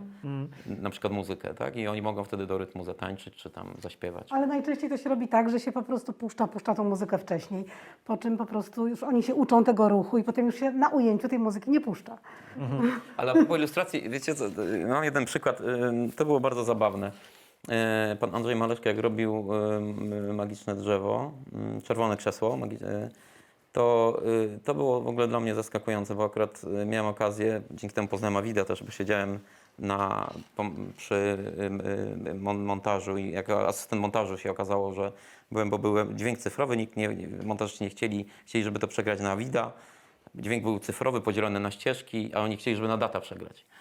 Na data. I najlepiej vlogiem, bez ten kodu. No ale y, do czego dążę? Okazało się, że reżyser y, zmontował film w miesiąc, czy w trzy tygodnie, ale y, obra- dźwięk robiliśmy pół roku. Słuchajcie, do tego stopnia miał taką swoją wizję dźwięku. I potem reżyser pomyślał, mogłem posiedzieć jeszcze trochę Y, Do tego, do tego stopnia miał swoją wizję dźwięków, że słuchajcie, y, jest taka scena, tam na, y, na skuter, jadą dzieci na rowerze, podjeżdża na skuterze, akurat nasz dyżurny zagrał, dostawca pizzy, rzuca i w scenie jest tak, te, ten skuter, te rowery, miasto, muzyka, a reżyser y, przez kilka dni y, mu się rowery te dziecięce nie podobały. te, efekt tych rowerów miał taką swoją wizję, że ani imitator dźwięku Henryk Z- Zastrożny Łodzi, ani my nagrywali, ja jeździłem, brałem jakieś rowery dziecięce, jeździłem już po mieście, po filmie, dogrywałem jakieś dźwięki z bazy, yy, reżyser dźwięku tam dobierał. Tak mu się nie podobało, tak nie mógł znaleźć tej swojej wizji, którą on miał w głowie, nie byliśmy, że, że to, to, to trwało kilka dni, dobranie y, efektów ro- rowerów, które były jakby jedną, jedną z dziesięciu części dźwiękowego, dźwiękowej ilustracji tej się sceny. zafiksował. Tak. Tak. A to może być jakieś doświadczenie z dzieciństwa i cię, ciężko jest, wy- ale ciężko wydobyć jest to właśnie, co ktoś ma i niestety często I jest tu tak, jest że ten przekaz, ta, ta, ta łączność ważna, tak? Ta właśnie, żeby komunikacja. reżyserzy potrafili y, y, opisać to. Niestety dźwięk się, pewnie mogło się, wiesz, wiesz bardzo dobrze, dosyć ciężko mimo wszystko opisuje słowami. Tak. Y, I, i, I taka komunikacja z reżyserem y, efektywna, sprawna, no jest, jest y, Dodam, że większość reżyserów słabo słyszy. E, tak, ale to może rzeczywiście.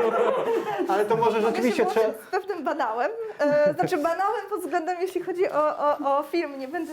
Chodzi mi o to, że pomyślmy sobie w tej chwili o najsłynniejszym dźwięku filmowym e, w, masowym, z naszej, z, naszej z, z e, kultury masowej.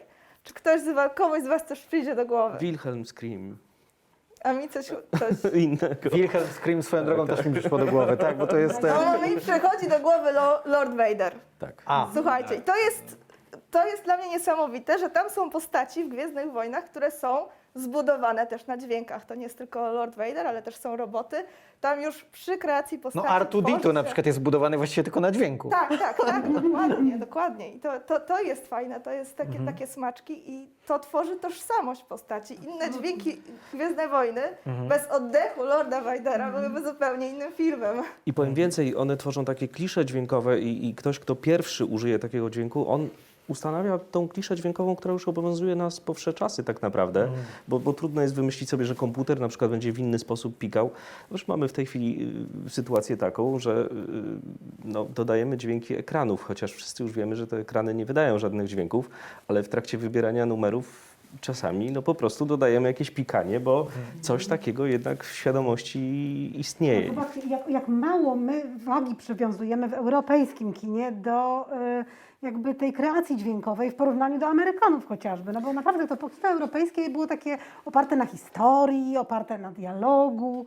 Y, Ale jest fajny film e, Imagine Jakimowicza. On jest- Jakimowskiego. Jakimowskiego. Jakimowskiego. przepraszam, Jakowskiego. E, I on jest właśnie niesamowity pod tym względem. No tak, jest- on I ja uwielbiam tak. tę scenę, kiedy e, ten obraz jest niepełny i ani widz, ani ten e, Bohater. bohater nie wie, co tam się dzieje. I to jest właśnie, to nam pokazuje tę wartość tego dźwięku, że normalnie możemy gdzieś tam sobie dopełnić coś. Z tym amerykańskim kinem to jest ciekawe o tyle, że właśnie niby to też jest kino oparte bardzo na historii i na dialogu, prawda? A jednak mimo wszystko ta warstwa dźwiękowa nieprawdopodobnie profesjonalna i to chyba też o to chodzi, że tam jest tak fantastyczne rzemiosło w ogóle nauczone tego pejzażu dźwiękowego, że, na, że na, jak ma się tak świetnie wyuczone rzemiosło, no to na bazie tego można jak najbardziej już, e, że tak powiem, poszalić sobie e, e, kreacyjnie. Ale co powiedzieć teraz o Imagine, no to, to jest oczywiście świetny przykład w ogóle takiego tak świadomego dźwiękowo filmu. To opowiada o, o, o świecie osób Niewidomych, niewidomych, tak. dlatego to było po prostu... Tylko, że tak był skonstruowany też cały film, że dawał,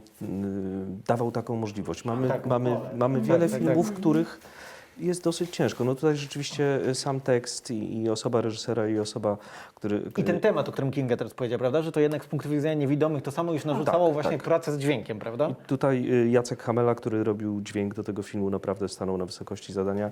I to, co ciekawe, on polepszył to. To już było na początku dobrze napisane Tak, pod tym kątem. Jacek miał tą możliwość, żeby to zrobić i rzeczywiście polepszył to, to To wrażenie. jest naprawdę sztuka, to jest naprawdę duża sztuka. Ja teraz oglądam serial e, The Crown, pewnie większość z Was już tylko widziała. Ten czwarty sezon. Po Polecamy, prostu, jeżeli Państwo nie słyszeli, taki niszowy serial.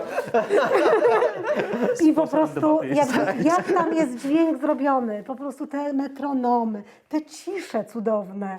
No ja po O, prostu... I właśnie dobrze, że to, e, znaczy, przepraszam, jeżeli O, chcesz dokończyć, to nie, ten, to i bo tak jeszcze o tej ciszy jeszcze bardzo chciałbym, o tej ciszy bardzo chciałbym jeszcze porozmawiać, ale zanim przejdziemy też do tego i do naszych następnych pytań, to jeszcze Gosia, Ciebie chciałbym zapytać o coś, co padło wcześniej w wypowiedzi Rafała, ale później pociągnęliśmy kilka wątków, a nie chciałbym, żeby to nam uciekło, o tym prymacie obrazu, gdzie Rafał powiedział, że w, o, o kinie, że w kinie zwracamy głównie na, e, na, na, e, uwagę na obraz, ale nie tylko, że w rzeczywistości też tak jest. I czy rzeczywiście jest tak, że mm, no my jednak jesteśmy percepcyjnie tymi e, wzrokowcami, a może kultura nas tego właśnie uczy przede wszystkim? nie, może no, uczy nas tego, słucham? Percepcyjnie. Percepcyjnie jesteśmy wzrokowcami. No właśnie, więc e, ty jako osoba, która się tym dźwiękiem i tym pejzażem dźwiękowym zajmuje naukowo i em, czy, czy rzeczywiście to trochę wygląda tak, że jest pewnego rodzaju walka, żeby ten prymat obrazu trochę obalić? Ja nie powiedziałabym, że to jest walka o balanie czegoś w obrazie, tylko ja mówię raczej o, o, o takiej rozwoju myślenia o właśnie odbiorze. Ja się zajmowałam dźwiękami i już w trakcie tej mojej pracy naukowej zdałam sprawę, że to nie można oddzielić dźwięk, obraz, e, tak jak wcześniej mówiłam. Więc to nie jest walka o to, żeby e, zmniejszyć dominację obrazu, Tylko żeby tylko walka o to, żeby wziąć, wziąć, y, wyjąć te wszystkie inne bodźce, żeby je wziąć pod uwagę przy, przy w ogóle odbiorze tej rzeczywistości i również przy sztuce.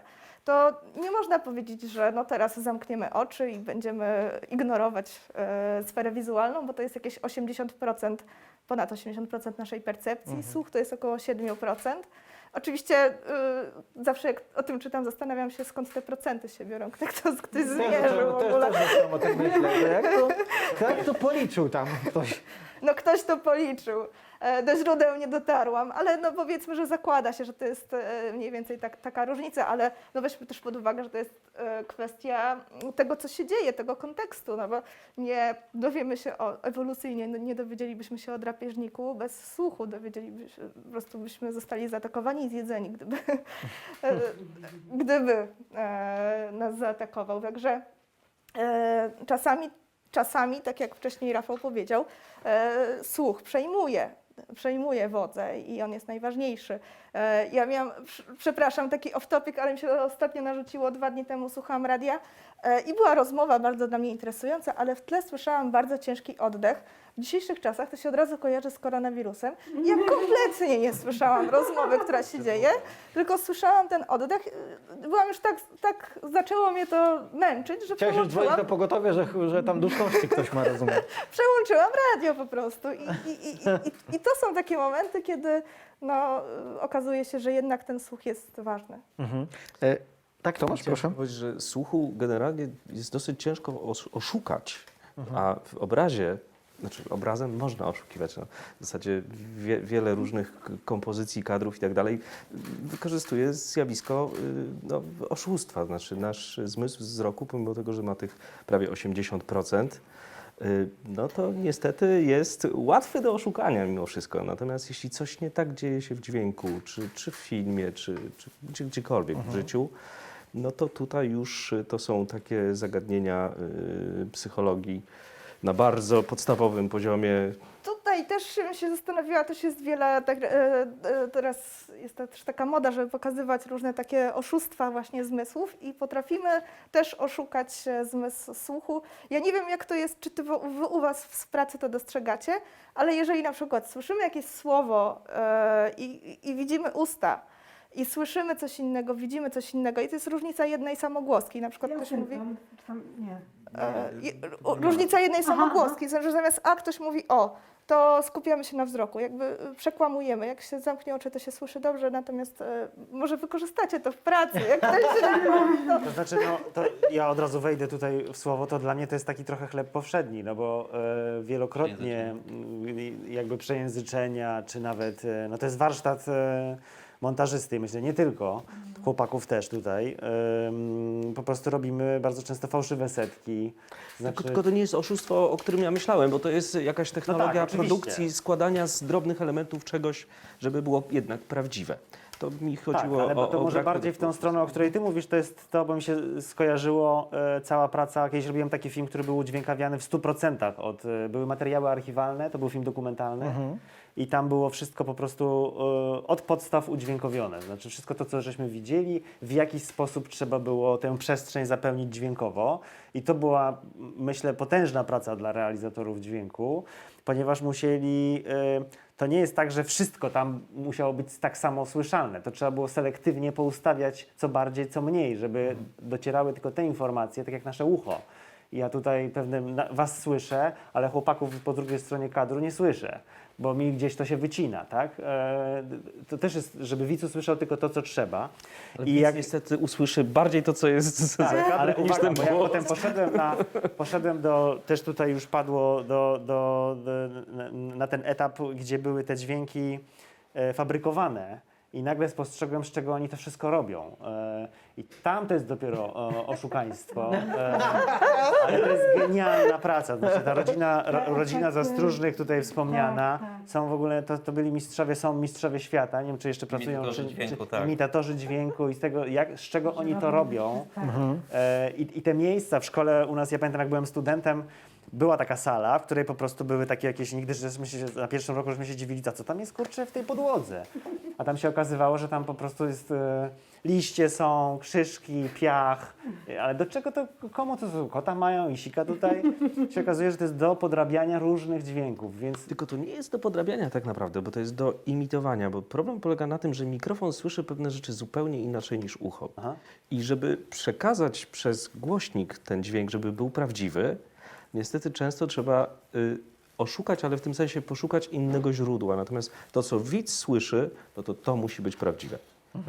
To jest y, chyba bardzo ja już istotne. chyba teraz wiem, dlaczego ja czuję zawsze fałsz, kiedy e, słyszę, e, kiedy wiem, kiedy był, był posynchron robiony w moim filmie. Ja jedyna po prostu mam zawsze zgrzyt, że ja po prostu wiem, że to jest nie do końca prawda. Bo nie ma mnie przy tym robieniu tych efektów tymi krzyżkami. Po prostu nikt mnie tam na szczęście nie zaprasza. super miejsce, musisz zacząć chodzić. Nie, to już nie będę mogła... Reżyserom wstęp wzbroniony tam jest napisane. Tych, pan, tych państwa nie obsługujemy.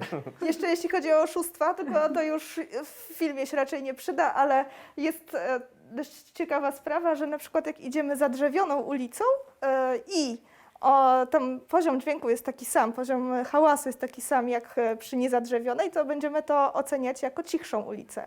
E, bariery dźwiękowe, które są zrobione z naturalnych produktów, nie są plastikiem, uważamy y, i powiemy to, jakby zadeklarujemy, uważamy, że są e, efektywniejsze w pochłanianiu dźwięku, mimo że często nie są efektywniejsze, są e, gorzej pochłaniają dźwięk. Także tutaj są, to są takie oszustwa, które mm, Zmysł, że przez cały czas żeby się słuchać. Znaczy, że, że tak e, nasz słuch rośnie z nami i nasze doświadczenia i, i to jest co w filmie wiele, kilka razy miałem, tak, że nagrany jakiś efekt na planie, prawdziwy efekt, prawdziwy u- przyrząd, który użyliśmy, nie brzmiał nagrany na mikrofony tak, e, że nikt nie wierzył, że to jest to urządzenie. I trzeba było wprowadzić oszustwo, które nada prawdzie, nada prawdę i będzie y, jakby uwiarygadniało obraz. Bo czym jest dźwięk? Dźwięk, y, tu już użyłaś tego słowa, że y, ja pamiętam jak kiedyś, to słuchaj, to tutaj Mariusz postawimy tutaj,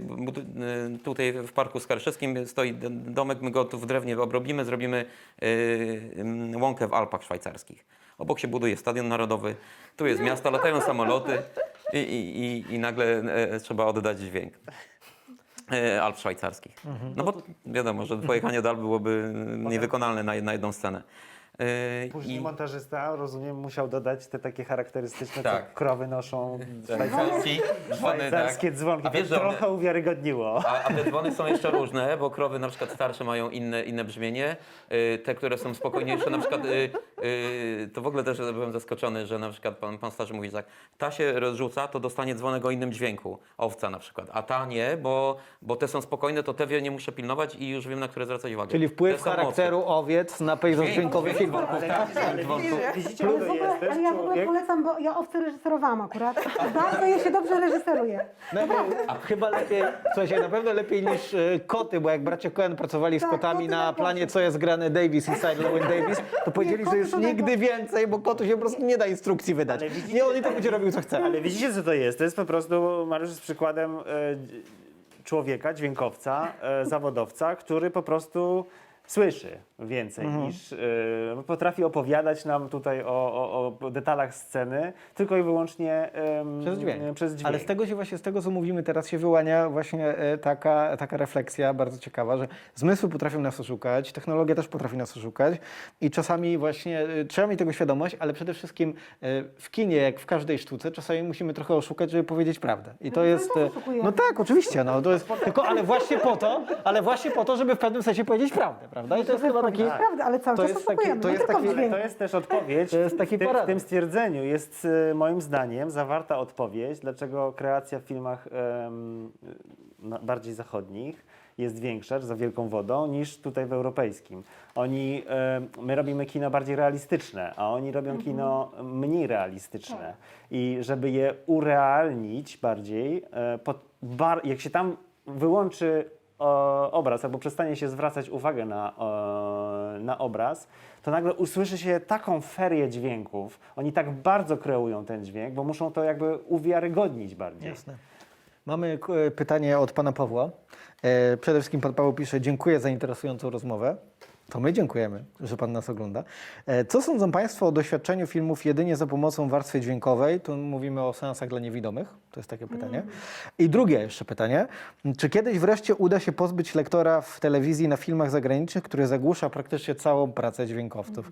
Pozdrawiam serdecznie. My również pana Pawła pozdrawiamy. Może zacznijmy od tego pierwszego pytania o seansach dla niewidomych. To, to chyba nie do nas. za, za audio. Chętnie się. Za, dobrze, to kto wypowie się chętnie o seansach dla niewidomych, tylko za pomocą warstwy dźwiękowej ja doświadczenia się filmu? powiedzieć. Proszę. Ja wie- wiele razy byłam w Płocku, tam jest organizowany taki festiwal e, dla Niewidomych. niewidomych. Tak, zgadza się. I to jest niezwykłe, niezwykłe przeżycie dla reżysera, y, bo y, ja na początku ich się zapytałam, przepraszam, czy ja mogę wam zadać pytanie, ale co wy widzieliście? Znaczy, wy nie widzieliście, więc jakby, jak wy...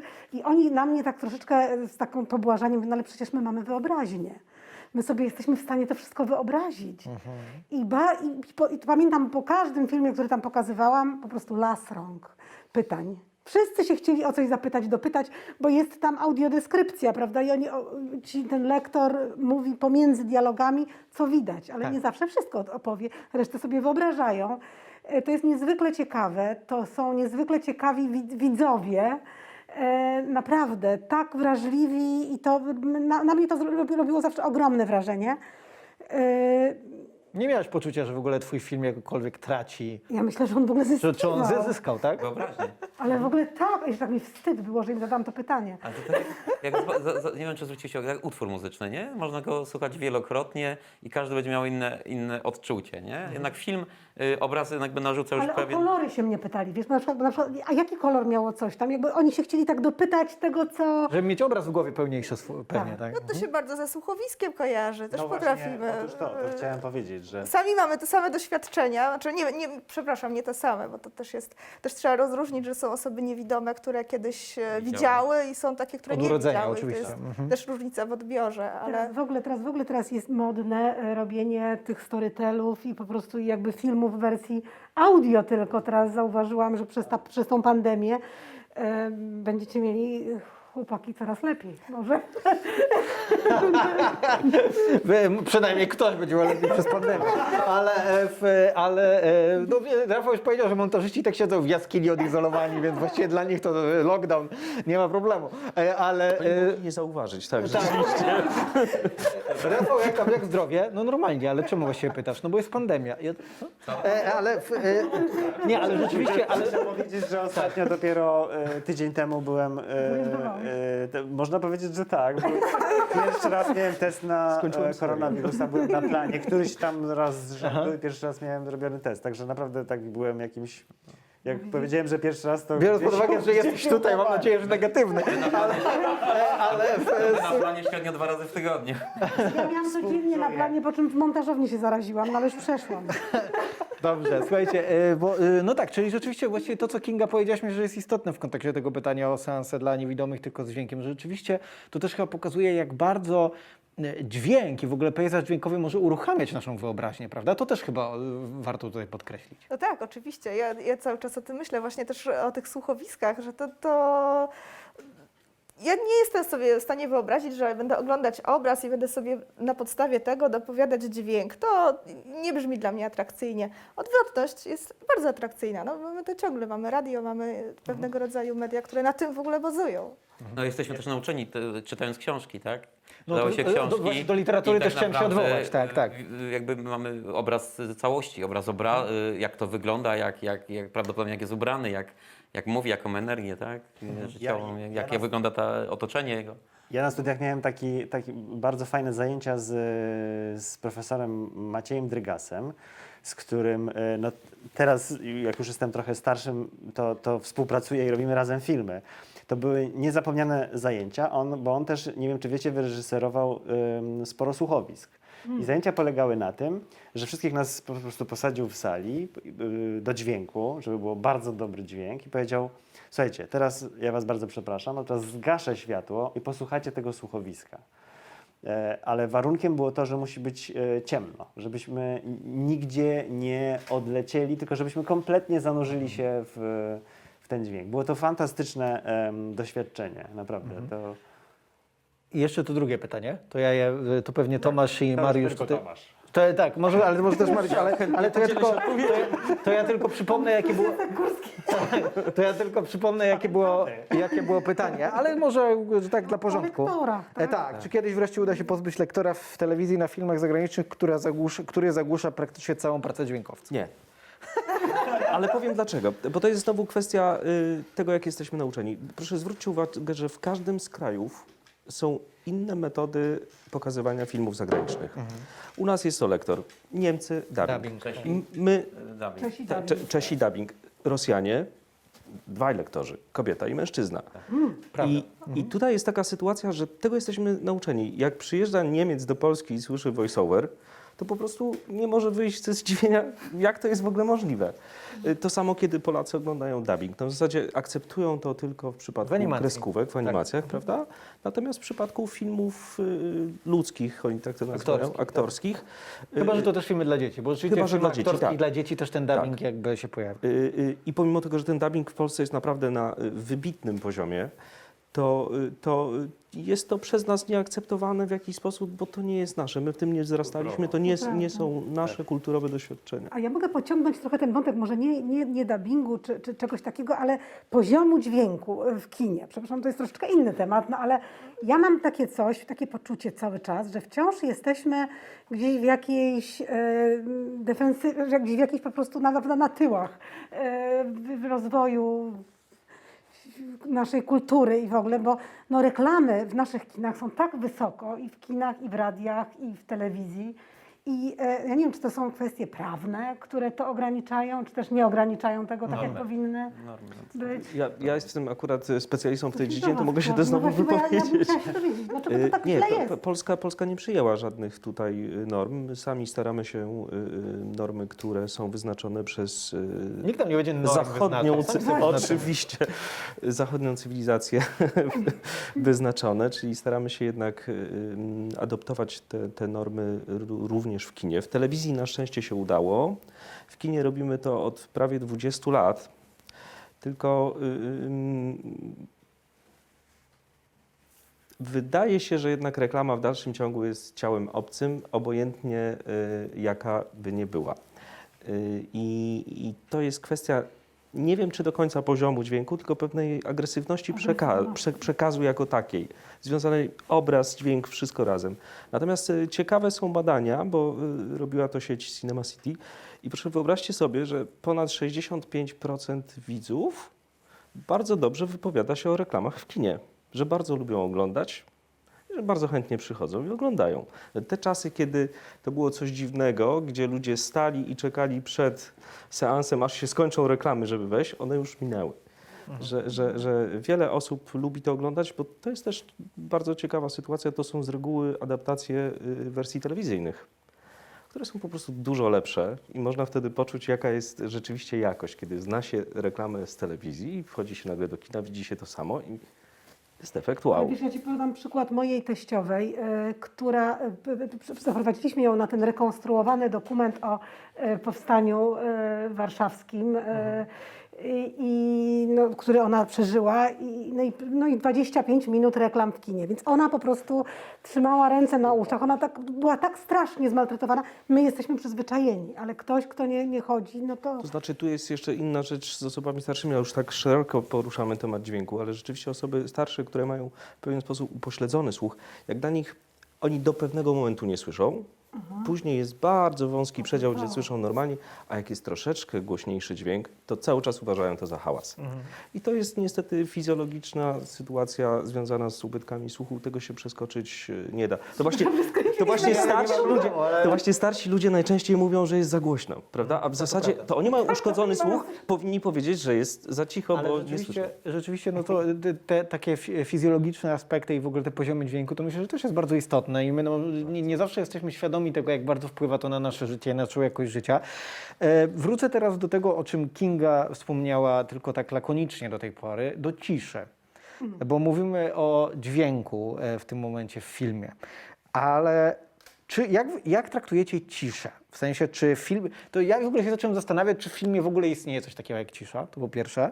A po drugie, jak ją traktować? Czy to jest nieobecność dźwięku? Czy ona jest jakimś ważnym kontrapunktem dla dźwięku?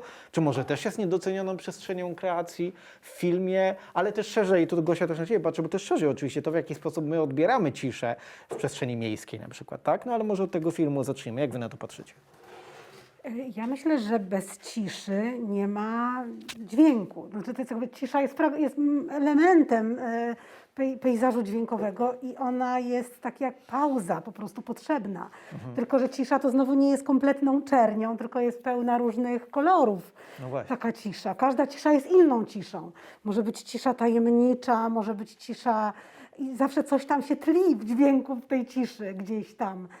E, I e, to jest niezwykle potrzebne. Ja, ja uwielbiam używać ciszy i właśnie ten serial The Crown, który teraz właśnie oglądam, jest tak fantastycznie używać ciszy. Gdzie jest na przykład pełen plan, że król, książę Karol bierze ślub i po prostu jesteśmy tylko w jego głowie i słyszymy tą ciszę, czyli ten jego strach i jakby coś takiego. To jest, to jest w ogóle ogromnie istotny element kreacji. Tak ogólnie powiem. Mówię pewnie bardziej szczegółowo. No, Bardzo silny środek wyrazu przede wszystkim, Tak. prawda? Natomiast taka cisza y, kreacyjna, a nie technologiczna, bo cisza technologiczna zawsze jednak kojarzy się z tym, że coś się popsuło, to znaczy, że nie ma w ogóle dźwięku. Ona, ona też co prawda y, y, jest przynajmniej jeden taki moment, gdzie, gdzie często wykorzystujemy to zjawisko, to jest wtedy, kiedy główny bohater dostaje w głowę i, i po prostu traci przytomność. Na chwilę jest wtedy technologiczna cisza i to rzeczywiście e, e, bardzo mocno działa, ale to jest jeden z naprawdę bardzo e, niewielu i to króciutkich momentów, gdzie można sobie na coś takiego pozwolić, bo jednak nasz zmysł, znowu wracamy do fizjologii, kiedy jest cisza technologiczna, Matko, coś się popsuło. Ludzie zaczynają się oglądać. y, Zepsuł, zepsuł się chyba procesor, tak. A nie, od- I znowu odskakują od filmu, czyli, czyli też y, nie to, na czym nam zależy. Tak, ale, ale sam powiedziałeś przed chwilą, że jednak cisza może być tym środkiem wyrazu, prawda? I tym elementem No, artystycznym jak tak, tu najbardziej. się zgadzam z Kingą jak, jak najbardziej, tylko że to jest cisza taka właśnie utkana z bardzo drobnych y, elementów, które powodują wrażenie ciszy, ale jednak w dalszym ciągu w jakiś sposób oddziaływują. W filmie. Tak. Mariusz? No, bo to trzeba jakby spojrzeć też, cały, może wrócę do, do początku, tak jak mówiłeś, że ten dźwięk nas otacza. I jakby czym jest dźwięk? Dźwięk jest uzupełnieniem obrazu, wypełnieniem przestrzeni. Widząc, patrzymy w ekran i mamy płaski ekran przed sobą, czyli widzimy jakby z całego 360 stopni jakiś wycinek y, procentowy y, rzeczywistości. I dźwięk y, i rola postprodukcji dźwięku jest urzeczywistnienie nas, że jesteśmy w tym miejscu, gdzie, co pokazuje obraz. Czyli tej przestrzeni dźwiękowej 360 stopni, góra, dół. Yy, wielu rzeczy na przykład w obrazie nie możemy pokazać z przyczyn technicznych, nie wiem, przem, czy przemocy na przykład nie chcemy pokazać. Ale wystarczy krzyk, wystarczy jakiś dźwięk, który nas, nam to uwiarygodni i, i, i, jakby da nam odczuć tą, yy, to, co czuje ten bohater, albo wywoła w nas te emocje, które chce reżyser, żeby wywo- wywołały. Tak samo to miasto, tak? Posłuchajcie, to jest tak. Ja pamiętam z dzieciństwa, wychodziłem nieraz wieczorami na balkon, yy, patrzyłem w gwiazdy, ale pamiętam do tej pory, że słyszałem w nocy pociągi, których w dzień nie słyszałem. Jak inaczej dźwięk się, w ogóle jak y, są słuchacze tutaj, którzy y, jakby nie próbowali i nie doświadczali dźwięku, to jak możecie sobie nieraz właśnie wyjść w dzień i w nocy na to samo miejsce, w ten samo pójść, czy stanąć na balkonie, czy na przykład y, wchodzimy do jednego mieszkania i, i, i właśnie tą ciszę. Posłuchajcie, jak brzmi dane mieszkanie. Na przykład, ja pamiętam kiedyś zegary te z wahadłem. I ta cisza u takich starszych ludzi, do których zaglądałem, i pamiętam tylko ten, ten zegar, to tykanie i ten taki atmosferę tego mieszkania. Yy, pos- Posłuchajcie, ile dźwięków was otacza, których, na których nie zwracacie uwagi. Yy, Jak się zamkniecie oczy i staniecie, posłuchacie, to jest to, co, co mówimy o tej przestrzeni dźwiękowej. I dźwięk robiąc dźwięk do, do filmu, my staramy się uzupełnić ten obraz. Nie wiem, włączcie sobie horror i wyłączcie dźwięk. Bardzo często taki, taki obraz jest odbierany komicznie. Wcale nie straszy. Dopiero muzyka, dopiero efekty dźwiękowe jakby poz- pozwalają nam poczuć te emocje i, i ta kreacja dźwięku jest właśnie, pozwala nam oddać emocje bohaterów i od, oddać emocje, które chce osiągnąć reżyser w danym filmie. A co do ciszy, no żeby była cisza, to też musi być hałas, znaczy to zawsze to jest w jakiejś kontrze, to musi być też w jakimś... Yy, mnie zawsze zastanawia, że poziom dźwięku, idziemy do kina i nam się wydaje głośno, a, i nagle, a nagle sobie uświadamiam, że nie wiem, chodzi się na, na dyskoteki, czy chodziło i tam był tak głośno, ja nie byłem w stanie wytrzymać. Ja mówię, może jak ci ludzie to są w stanie spędzić ileś godzin, a jednak się przyzwyczajają, percepcja słuchu się gdzieś tam przyzwyczaja i, i są w stanie spędzić wiele godzin na, w małym, w piwnicy w jakimś klubie, gdzie muzyka ma ze 100 czy 120 decybeli. Rafał, czy z, z punktu widzenia Twojego komentarzysty rzeczywiście ten, ta relacja między ciszą a dźwiękiem też jest ważna na przykład w kontekście rytmu filmu? Y, Czy ona jakoś... Bo teraz się też zacząłem nad tym zastanawiać, że może to też wyznaczać rytm scen i rytm w ogóle różnych sekwencji, prawda? Czy, to, czy jest dźwięk, czy mamy ciszę, kiedy dźwięk się pojawia, kiedy znika?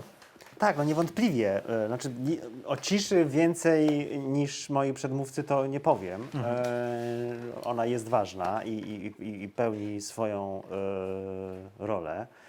Natomiast o rytmie i o tym, jak to. E, ja to w ogóle mam takie postrzeganie, że. Mm, bo to się zetknę, w mojej pracy zawodowej wielokrotnie się spotykałem z sytuacjami, gdzie e, osoby, które współtworzyły, mm, w jakiś sposób kładły nacisk na, e, na rytm, na poczucie rytmu.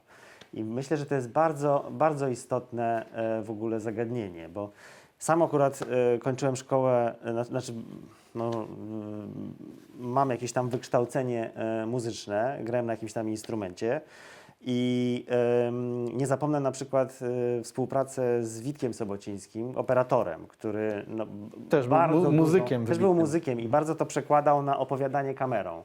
Miałem z nim parę takich e, bardzo interesujących rozmów i widziałem, jak on pracuje, to on wręcz przejmował od reżysera jakby pewną inscenizację, ale widziałem, jak bardzo się skupia na rytmie kamery, na rytmie tego, co się dzieje przed kamerą. To widać w Weselu Wajdy. Tak. Bardzo na przykład, gdzie To Wajda, jest prze, przecież ciekawe, Wajda. Wajda Sobocińskiego zaangażował między innymi dlatego, prawda, że chciał mieć ten Mhm. taki Zgadza synkopowany jazzowy rytm, tak, Tak. w obrazie. Teraz współpracuję z, z, z Jankiem Cholubkiem, który, który te, te też jest bardzo u, u, umuzyczniony, też ma, ma zespół, gra. Odkąd Mhm. Na perkusji zdaje pamiętam, się, nie? tak. I, I też widzę, że bardzo jest też z wykształcenia jest operatorem i też widzę, że w swojej pracy reżyserskiej bardzo dużo posługuje się e, poczuciem rytmu. To znaczy Mhm. tym, jak to ma, jak kwestie mają być wypowiada, opo- wypowiadane, jak aktorzy mają, z jaką prędkością mają mówić, to, to I wszystko... to też jest kwestia właśnie dźwięku, a nie tylko obrazu. To jest tak, to się przekłada właśnie y, wprost na, Na wszystko. na, wszystko, na Bo to jest dźwięk, rytm na obraz, dialogu. to jest Kiedyś, rytm. kiedyś w lat, jak zaczynałem to o, o dialogu, jak się pisało s- sceny, to rytm dialogu był bardzo ważny. I, i, i, i budował scenę, budował też, pomagał tobie mon, Tak. montować, bo Tak. Właśnie jakby- do tego też zmierzam, bo ja na tym, na tym swoim timeline'ie, na tym swojej pracy też wykorzystuję to poczucie rytmu. To znaczy to jest no, nieodzowne. Ja też te dźwięki, które, którymi umajam te, te, te, te, te, te, te sceny, też one wchodzą w odpowiednich rytmach. Znaczy nie wyobrażam sobie, żeby to tak było, a dobra, tutaj. Tutaj widzę, że coś robią, no to tutaj będzie ten dźwięk, ale czasami ja tego nie widzę, a jakieś dźwięki muszą się tam pojawiać. To pomaga mi jakiś wewnętrzny rytm, który ja muszę zrozumieć rytm sceny, y, y, no, generalnie rytm sceny, żeby móc też te dźwięki odpowiednio, podokła- podo, po, po, po, po, odpowiednio dokładać. No. Ale a propos, powiedziałeś to ja się śmieję, że zawsze jak z nim pra, e, pracuję, czy pracowałem, to wiedziałem, że musi być dla niego przygotowane słuchawki swoje. Są tacy operatorzy, którzy mówią mi, że oni bez słuchawek nie chcą pracować. Przeważnie większość operatorów nie słucha, tak? Skupia się na obrazie i to też jest zrozumiałe, bo też nie będę ukrywał, że w moich doświadczeniach obserwacji właśnie ekipy, bo to jest w ogóle bardzo ciekawe, powiem wam, nie wiem czy mogę, chyba nie powinienem tego mówić. Bardzo Mów, często mów, dla mnie no. zabawne y, jest to, że y, nagrywając dźwięk, ale też patrzę na obraz, ale często na przykład siadam tak, że jakby y, cały pion twórczy y, siedzi przed monitorem, a ja sobie siedzę na przykład właśnie odwrotnie w twarzą do nich. I to jest tak cudowne o, o, widzieć te reakcje twa, na twarzach, y, jak odbierają po raz pierwszy tę te, tę scenę i, i, i, i- jakby też się nauczyłem tego, że właśnie z tym dźwiękiem może być różnie dla operatora, bo są operatorzy, którzy chcą i pomaga im to wejść w rytm, poczuć bliżej aktora, jaką ma energię, jaką emocje, czy zaszmynkować. Do tego stopnia, że pamiętam, że raz e, operator stanął za kamerą i miał słuchawki słuchał i, i zaczął tą kamerą tak pracować. y, Nagle poczuł, mimo że to nie było zaplanowane, zjechał na dłoń, na coś. Dało mu to pewną swobodę obrazu, wiedział, że może zejść z twarzy, nie musi, nie musi pokazywać osoby mówiącej, ale, ale bo, bo, bo słyszy i wie, że to jest, jest ten przekaz przekazany, Tak. mógł, mógł pokazać coś innego. Dokładnie, Ale- z tym ale- kamowcy szczególnie. Ską- ale skończę też, że by, by, bywało też tak, że jednak operatorowi to przeszkadzało skupiać się na obrazie, że jednak czytam na szwęku, że Na to dźwięku. też, że dźwięk go rozpraszał w, i, i, i na tyle go koncentrował, że jakby może już y, sam y, albo szwęk, rytm kamery, szwękowanie, y, także to jest indywidualna sprawa. Tak, Pomaga, dobra. ale też trzeba jakby świadomie decydować i tu jest właśnie też rola a propos tej ciszy i tych dźwięków, żeby świadomie decydować, kiedy ten dźwięk, kiedy chcemy zejść z takiego dźwięku, kiedy, bo, bo tak jak mówiliśmy tutaj, my i widzimy i słyszymy. Tak. I Tak. my możemy decydować, który z tych zmysłów y, w danym momencie, w danej scenie Jest wykorzystamy bardziej. Tak, to prawda. To co- Ale to co- jeszcze... No, no, Tak, mo- mogę. Proszę. No dobrze, dobrze. dobrze. Bo chodzi o ten, jakby ty powiedziałeś bardzo ciekawą rzecz o tym, e, o tej muzyka, muzykalności jakby nas, mniejszej lub większej i tym poczuciu rytmu. Ja miałam taką sytuację przy e, filmie Zabawa, Zabawa. E, Tam były trzy historie i bardzo trudno nam się to e, jakby układało, żeby przechodzić z jednej historii do drugiej. I e, jakoś tak się złożyło, że Marta Mesarosz, z którą się tam spotkałam na festiwalu, mówi: Słuchaj, ja mam tu taką starą montażystkę z Hollywood, przyjechała. Ona wprawdzie nie zna polskiego, jest Węgierką. I wiesz, ale ona ci to zobaczy. Ja mówię, no ale przecież ona nic nie rozumie w ogóle. Co ona zobaczy? Staje jej, staje jej zobaczyć. I słuchajcie, i ona, ona w ogóle się okazało potem, że jest byłą tancerką. Tam montuje rzeczywiście te duże hollywoodzkie e, filmy. I e, bez znajomości polskiego, po prostu ona nam ten film jakby wyrównała w rytmach. To po prostu jest niesamowite zupełnie, że ona w ogóle, ona nic nie potrzebowała rozumieć. Ona tak sobie po prostu tak, tak ten film wyczuła bez właśnie zrozumienia Tak. jednego. A, a, z drugiej strony mogę powiedzieć taką historię, że na przykład miałem taki materiał dokumentalny, e, w którym e, operator mm, nie słuchał. Ale powiem dlaczego, bo to nie jest do końca tak, że on może chciał słuchać. Była scena dokumentalna, tam ktoś mówił jakieś ważne rzeczy, no wiadomo jak to w dokumencie, dubla nie będzie, to po prostu idzie i, i, i, i operator jakoś tam reaguje. Długa dosyć scena. No, pech, pechowa sytuacja, bo w najważniejszych e, momentach tego dialogu operator nie był na twarzy, tylko kręcił akurat coś innego. Co się okazało później? Operator e, nie rozumiał, bo nie było to po polsku, nie rozumiał tego, co mówi e, bohater. Reżyser rozumiał, ale tu znowu komunikacja. Nie dał znać, nie zauważył, co w- tym momencie e, jest rejestrowane. Słyszał, widział tego bohatera. Myślał, że że to jest w jakimś takim innym kadrze niż, y, ni- niż operator tam sobie y, kombinował.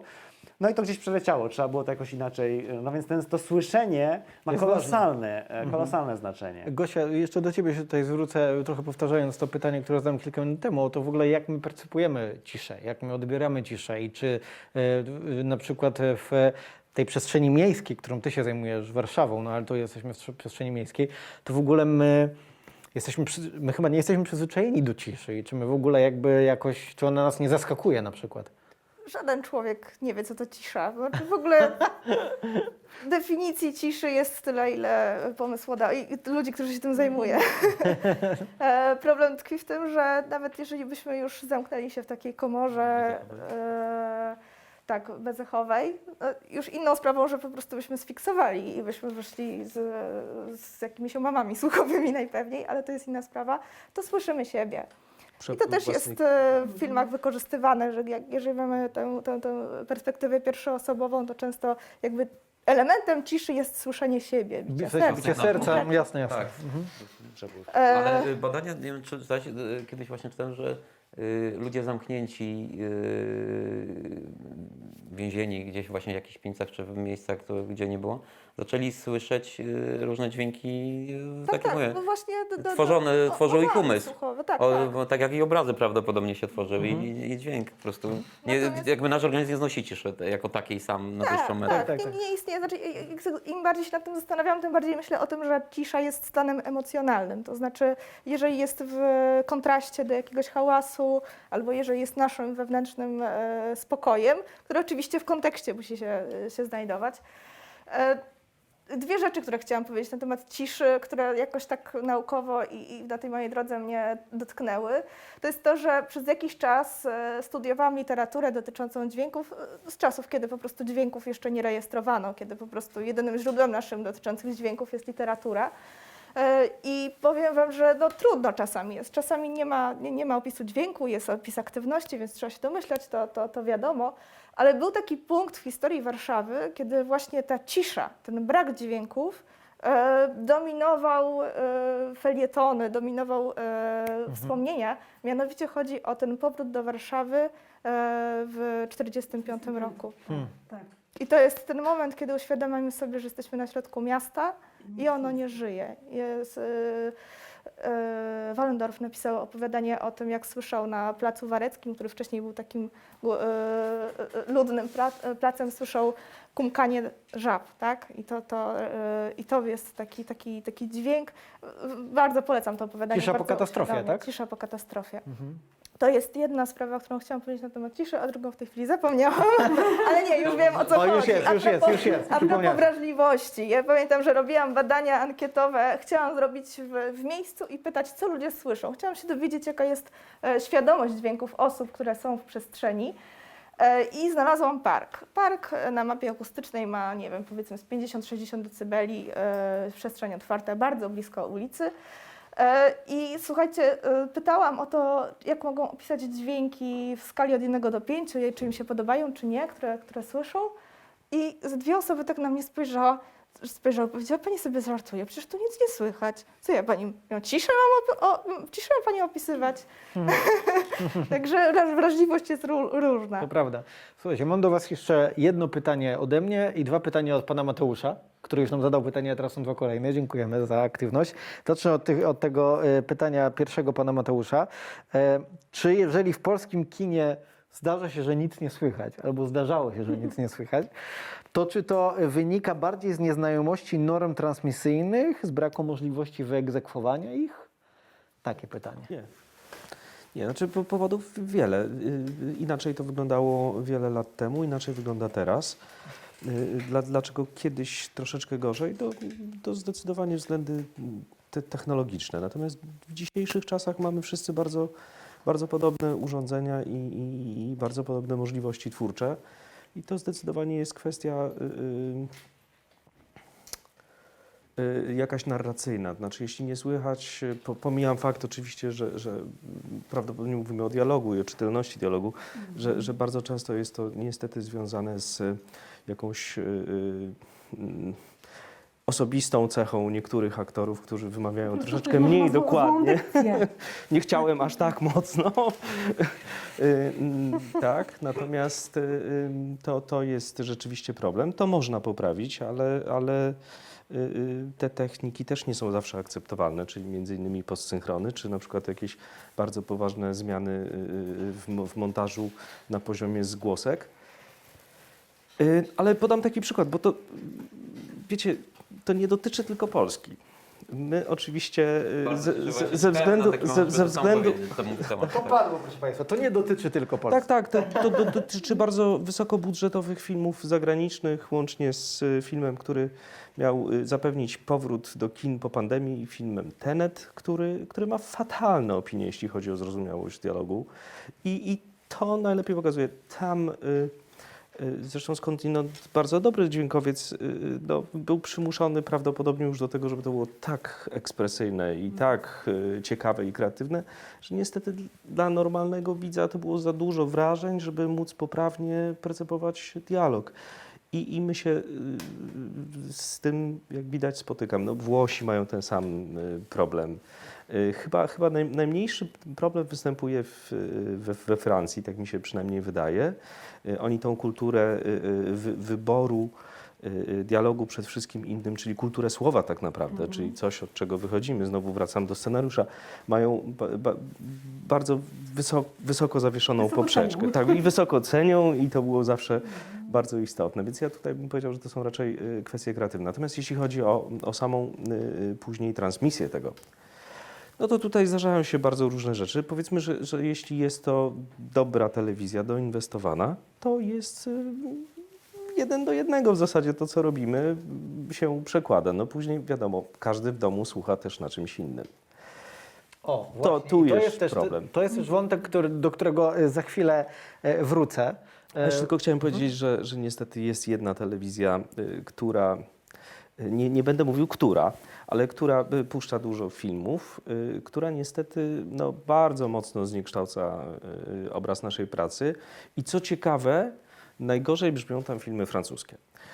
Więc no, ja, ja kiedyś nie mogłem w to uwierzyć. Tak robią. Nie wiem, ale wy- wyobraźcie sobie, że, że, najlepiej. tak, że, że oni postawili tak bardzo na wyrównanie tego dźwięku, że, że atmosfera głośnego miasta była y, na poziomie atmosfery bardzo cichej łąki. Robił to oczywiście automat. To było, to było straszne, bo to, to, to nie przypominało już y, filmu z jego różnorodnością, dynamiką i tak dalej, tylko to było takie po prostu techniczne, coś obrzydliwego.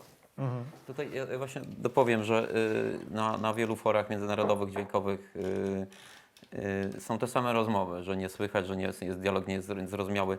Bardzo często my mówimy, że y, amerykańskie filmy są tak zrobione. One są oczywiście ubarwione bardzo wieloma warstwami dźwiękowymi, ale y, jak się tak już głębiej zaczyna rozmawiać, to bardzo często osoby, które y, tak mówią, oglądają to tak, albo oglądają dodatkowo z napisami, żeby wspomóc się, co od razu to jest to o tym naszym postrzeganiu i oszukiwaniu. Wydaje nam się, że słyszymy, a bardzo możliwe, że doczytaliśmy.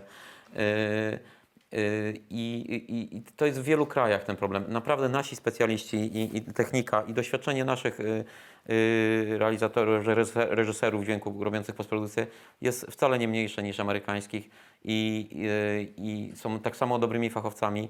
A teraz jeszcze weźmy pod uwagę, ile filmów się robi u nas, ile tam. I, filmy, które przechodzą do nas, często są filmami odsianymi, czyli te, które nie spełniły norm, może w ogóle się wcale nie, nie, o nich nie mówi i my, myśmy ich nie zakupili, tak? Więc to też trzeba na to spojrzeć szerzej, że, że to nie jest tak, że u nas nie słychać.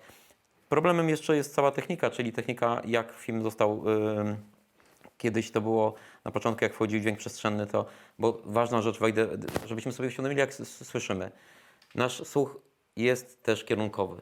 Czyli jak mogę mieć do otoczenia, tak jak mówiliśmy o tym mieniu, może być tu hałas wielki, ale jak ja usłyszę yy, z przodu jakieś swoje imię, czy nawet z boku, to selektywność słuchu jest taka, że ja sobie wy, wybiorę ten dźwięk, który chcę słyszeć. Nawet jak on będzie z boku, z tyłu. Dźwięk przestrzenny, który, który jakby jest standardem w, w kinie, powoduje to, że my możemy mieć głośną muzykę, a i tak dialog usłyszymy, bo idzie z innego kierunku. Czyli my też słyszymy kierunkowo. Jak jest ten dialog faktycznie z przodu, a ta muzyka jest na podobnej głośności, czy nawet głośniejsza, czy częstotliwości, które pokrywają się z tym dialogiem, to my ten dialog zrozumiemy. Ale jak nagle w domu ten dźwięk 5.1 zostanie nam puszczony z dwóch kanałów, to wszystko pójdzie do dwóch głośników, to bardzo możliwe, że yy, i telewizja nie, na przykład nie zadba o to, żeby puścić yy, miksu zrobionego do stereo, do telewizji, gdzie powinny mieć inną dynamikę, bo im są inne głośniki w domu, inne głośniki są w kinie. Yy, I jak my tego nie, yy, nie telewizja o to nie zadba, czy producent o to nie zadba, żeby, żeby był zrobiony miks stereo do telewizji, to może być tak, że właśnie ten yy, Ale cudów nie, cudów nie ma, jak aktor wam źle zagra, po prostu w sensie ma złą dykcję i po prostu i jest y, słabo. A jeszcze się Słabo z emisją, z emisją głosu jest słabo, bo na No miałem, To cudów miałem taką anegdotę, jest taka scena, że tam, no, nie chcę też mówić, ale dużo się dzieje. E, p- Pomieszczenie jest hałaśliwe, bo w ruchu hałasujące, dużo, dużo, dramatyczna scena, z- z- zagrożenie życia. aktor stwierdził, że będzie szeptał. Szeptał na poziomie takim, że coś tam dalej y, było, 40 dB było ciszej. Słyszałem jakieś osoby gdzieś poza, poza w ogóle tym, tym wagonem i on tak chce to zagrać. A ja mówię, ale jak dołożymy do tego, nie wiem, stukot kół, ten pociąg, to wszystko, tutaj ten hałas ludzi, którzy krzyczą, to jak mamy Cię usłyszeć realnie w kinie, żeby to było prawdziwe i żeby nagle to było takie, jak powinno być w danej scenie. No tak, to wszystko się zaczyna przecież od, od tego, tak? Najpierw on tak dźwięk miał musi powstać. Ja, on, mu się wydawało, że, że jak powie wyszepta, to będzie bardziej prawdziwy i wiarygodny. No, w, w, rzeczywiście tej prawdy można szukać na różne sposoby. Może w ten sposób to skomentuję. Ale E, możemy na przykład skupić się nie na jednostkach, tylko powiedzieć sobie, to jest brak edukacji. Oczywiście, I wtedy Tak, tak, okaże tak, się, że tak. każdy z nas jakby w jakiś sposób był e, ćwiczony w tym, żeby słuchać, żeby słuchać to, co jest naokoło, to my nie mielibyśmy nie mieli takich problemów, które aktora, Tak, który... Ja wiem, czy to problem, nie wiem, to bym Tomasza spytał, czy to jest problem, bo to może być też jakaś forma kreacji. Ja nie wiem, y, to już musiałbym wejść głębiej w postprodukcję. Może można zejść dźwiękiem, może akurat aktor tak chciał zagrać, reżyser mógł to zaakceptować. Jest jedna prawda, która to opisuje chyba najlepiej i to właśnie jest y, prawda kolegów y, ze Stowarzyszenia y, y, Mikserów Dźwięku y, w Stanach Zjednoczonych, y, która y, bardzo, bardzo krótka jest. Im większa gwiazda, tym gorsze nagranie. Ja myślę, że to jest doskonałe podsumowanie tego wątku. E, Pan Mateusz, pan Mateusz zadał nam jeszcze jedno pytanie. W takim razie, dobrze zrobiony dźwięk w filmie to ten, w którym słyszymy to, czego się spodziewamy, czy ten, który tłumaczy wszystko, co widzimy? Czekajcie, żeby zrozumieć pytanie. Zapadła cisza teraz. Panie, nie, Wydaje, zapadła mi- cisza. wydaje mi się, w- w- wejdę przed szereg, wydaje mi się, że te, to, to drugie to nie. To znaczy, że jeżeli Dźwięk, który tłumaczy wszystko, co widzimy, nie. słyszymy, Że jeżeli, tłuma, jeżeli mamy słyszeć wszystko to, co widzimy, to wydaje mi się, że to się robi wtedy, w moim mniemaniu, e, p- płaskie. To znaczy, to fajnie musi współgrać jedno z drugim. Znaczy ten obraz... Dopełniać się też, tak? Tak, Rozumiem. dokładnie. To chyba też troszeczkę zależy od y, gatunku. Ja bym tutaj y, y, powiedział, że to chyba znowu jest sztuka. Raz jest tak, raz jest tak. Ciężko tutaj przesądzać. To prawdopodobnie w jednym filmie, znaczy prawdopodobnie na 100%, w jednym filmie może być tak może być inaczej. Y, Natomiast to, co jest najważniejsze, żeby widz znowu wyszedł w poczuciu, że zrozumiał historię, w sensie, że ten film został odebrany w taki sposób, w jaki reżyser chciał mu go zaproponować. Żeby nie było tak, że on nagle z powodu na przykład wadliwej ścieżki dźwiękowej, źle skomponowanej i tak dalej, zobaczył inny film niż było w Może jest zamierzeniach. dzieło audiowizualne. Ja przepraszam, powiem to, co mówiłam na początku, no, że jak jest dobrze wszystko, jak jest dobrze, dobrze słuchać, się dobrze opowiada, to się w ogóle nie myśli o dźwięku. Tak jak i się nie myśli o statyście, prawda, że źle chodzi, kiedy jest dobrze chodzi. Tak, nie daj Boże, tak, nie daj Boże statysta popatrzy w kamerę i całe drogie ujęcie po prostu Rafał musisz wyrzucić. Dlaczego? Bo niestety już widać wtedy technologię. No to, to jest, właśnie chodzi o to, żeby... Ale też ciekawą rzecz powiedziałeś teraz o tym, zależy jaki film, że chyba też e, w, i to, nad jakim rodzajem kina, filmu w danym momencie pracujemy, jest chyba też istotne w kontekście dźwięku, tak? Czy to jest dramat, czy to jest komedia, czy to jest horror, prawda? No tak, i kino reżyserskie, i kino producenckie, bo jednak w kinie producenckim y, więcej tych dźwięków słychać. Tak, tak wynika z mojego doświadczenia. Wszystko musi być wycyzelowane, oczywiście ze smakiem, natomiast y, producenci bardzo często zwracają uwagę, że czegoś brakuje, co w zasadzie powinno wydać dźwięk. Reżyserzy tutaj mają taką pewną już y, swobodę y, kreacyjną, którą chętniej y, chyba, y, której chyba chętnie używają. Yy, No może właśnie dlatego tym się różni reżyser od producenta, prawda? Natomiast yy, no, to głównie te wysokobudżetowe filmy producenckie są yy, krystalicznie piękne. To też jest coś yy, fantastycznego, jeśli to można ładnie zrobić, prawda? Yy, Tak, tak mi się wydaje. A powiedzcie, jakie e, wyzwania e, stoją przed czy reżyserem dźwięku, czy dźwiękowcami, e, ale też oczywiście pytam Was wszystkich o to, jako ludzi zaangażowanych właśnie w myślenie o dźwięku w ten czy inny sposób, w kontekście coraz to nowszych platform wyświetlania filmów. E, Czy w jaki sposób te zmiany wpływają na Wasze pracę, tak? Bo teraz jakby e, idziemy na film do kina, no obecnie nie możemy niestety, ale mam nadzieję, że niedługo już będziemy mogli, e, ale jednocześnie oglądamy filmy nie tylko w, na, kinie domowym, ale oglądamy je na laptopach, plus oglądamy je też na telefonach. Coraz częściej. I jak, trochę o tym. i jak, no właśnie, ale chciałbym troszkę jakby ten, na, na sam koniec już naszej rozmowy, rzeczywiście ten e, temat zmian technologicznych, zmian odbioru e, e, w, filmów podjąć właśnie w kontekście dźwięku. To jak wszyscy milczą, to ja powiem coś, Proszę. co wykracza troszeczkę poza to, co, nad czym teraz pracujemy. Mhm. To, co mnie porywało jako osobę związana z dźwiękiem w przestrzeni, to zawsze były nagrania binaural, binauralne, binauralne no te, te, te douszne, gdzie, gdzie są mikrofony, gdzie są specjalne głowy nawet zrobione, żeby były mikrofony w uszach i żeby nagrywać to w ten sposób. Myślę, że słuchawki e, przy, przy słuchaniu filmów, e, przy VR-ze, e, robienie eksperymentu VR przy wykorzystaniu dźwięku, ba, nawet samego dźwięku, to jest je- otw- otwarcie nowych możliwości. Albo zamknięcie. Albo. Bo bardzo Dla dźwięku. M- Tak. Mówmy tylko o, o Dla- dźwięku. Dla, dla, dla dźwięku też zamknięcie, bo, bo p- prosta rzecz, scena w dyskotece. My konstruując dź- dźwięk do takiej sceny, e, no, zakładamy jednak w pewien sposób, że y, ta energia również porusza nasze ciało.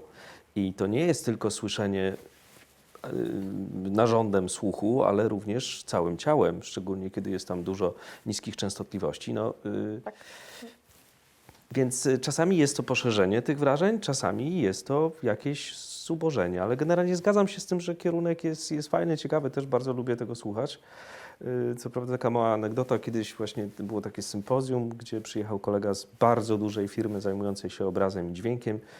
Y, Już pewnie wszyscy wiedzą, jaka nazwa, ale nie, nie, nie, nie, nie wypowiem. I, I tak słuchał nas wszystkich przedmówców, którzy tam mówi, że pięknie, że ładnie, że dynamika i wszystko. On wyszedł, miał prezentację właśnie dotyczącą między innymi binauralnego przetwarzania. Mówi, wiecie, proszę Państwa, tak Was słuchałem, ale dla mnie to jest wszystko mnożenie po prostu. I w ten sposób troszeczkę nam spłucił te wszystkie doświadczenia, mówiąc o tym, że on po prostu zajmuje się cyferkami, żeby to tutaj jakoś yy, przetworzyć. A czy, czy, czy, czy tak, e, przepraszam Kinga, bo chciałeś No, coś chciałam, tutaj dorzucić. Chciałam coś powiedzieć. Chciałam powiedzieć, że ja jednak. e, Ja właśnie skończyłam montaż obrazu i wchodzi, zaczynają dźwiękowcy swoją pracę prawdziwą. I ja mam nadzieję, że robię film do kina i się tego trzymam. I po prostu przy ogromnej ilości, coraz większej ilości pla platform streamingowych i to wszystko jest ok i naprawdę możemy różne rzeczy. Natomiast kino, y, duża sala i to, co możemy uzyskać w kinie z dźwiękiem, y, ja nie wiem, czy jesteśmy w stanie to uzyskać. y, Ja myślę bardziej o dywersyfikacji metod e, pokazywania jakichś utworów audiowizualnych. Ja jednak robię film skupiania się na tym. E, dywersyfikacja, o to mi chodziło i Mm. chodziło mi o to, że ten odbiór przy domowy też można w jakiś sposób rozwinąć. Ale tutaj jest y, ciekawa obserwacja moja, na przykład nie wiem, czy zgodzicie się z takim doświadczeniem, ale że jednak filmy fabularne, te duże, oglądane na, w domu, czy nawet na, na, na y, telefonie, w dalszym ciągu mamy poczucie, że, że to jest dobre dzieło, duży film, tak bym powiedział. A w drugą stronę, kiedy jest film zrobiony w sposób telewizyjny, czyli szybciutko i prosty, kiedy nawet w kinie chcemy go poglądać, on w dalszym ciągu jest płaski. I to no jest tak, taka ciekawa dobry rzecz. film się obroni na telefonie, a Dokładnie. zły film... Czyli takie doświadczenie. Dokładnie. Nie, Zły test dla twojego filmu. no, E, Po tej rozmowie włączamy film Zabawa, Zabawa na telefonie i wszystko się okaże. teraz zrobiłam zupełnie nic. Ja teraz zrobiłam zupełnie nic o dzieciństwie w PRL-u.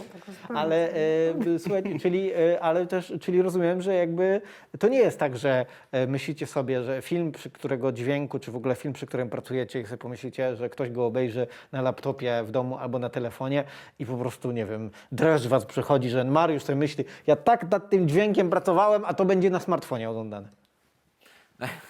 E, To jest, to jest w ogóle bardzo Czy to może ciekawe. dobrze brzmieć? Znaczy, od- odniosę się do całej naszej rozmowy, że jak już nagrywam i tak są filmy różne, bo nieraz nie mam czasu do, dogrywać. Do, do, na przykład dzisiaj rano, bo jechałem tu 6 godzin z Bieszczad, gdzie właśnie chłopcy, mam nadzieję, że dobrze kończy, skończyli tam plan zdjęciowy. Y, y, mieliśmy akurat tak czas, film historyczny, stare samochody, że na wjazd miałem ciszę, bo to Bieszczady.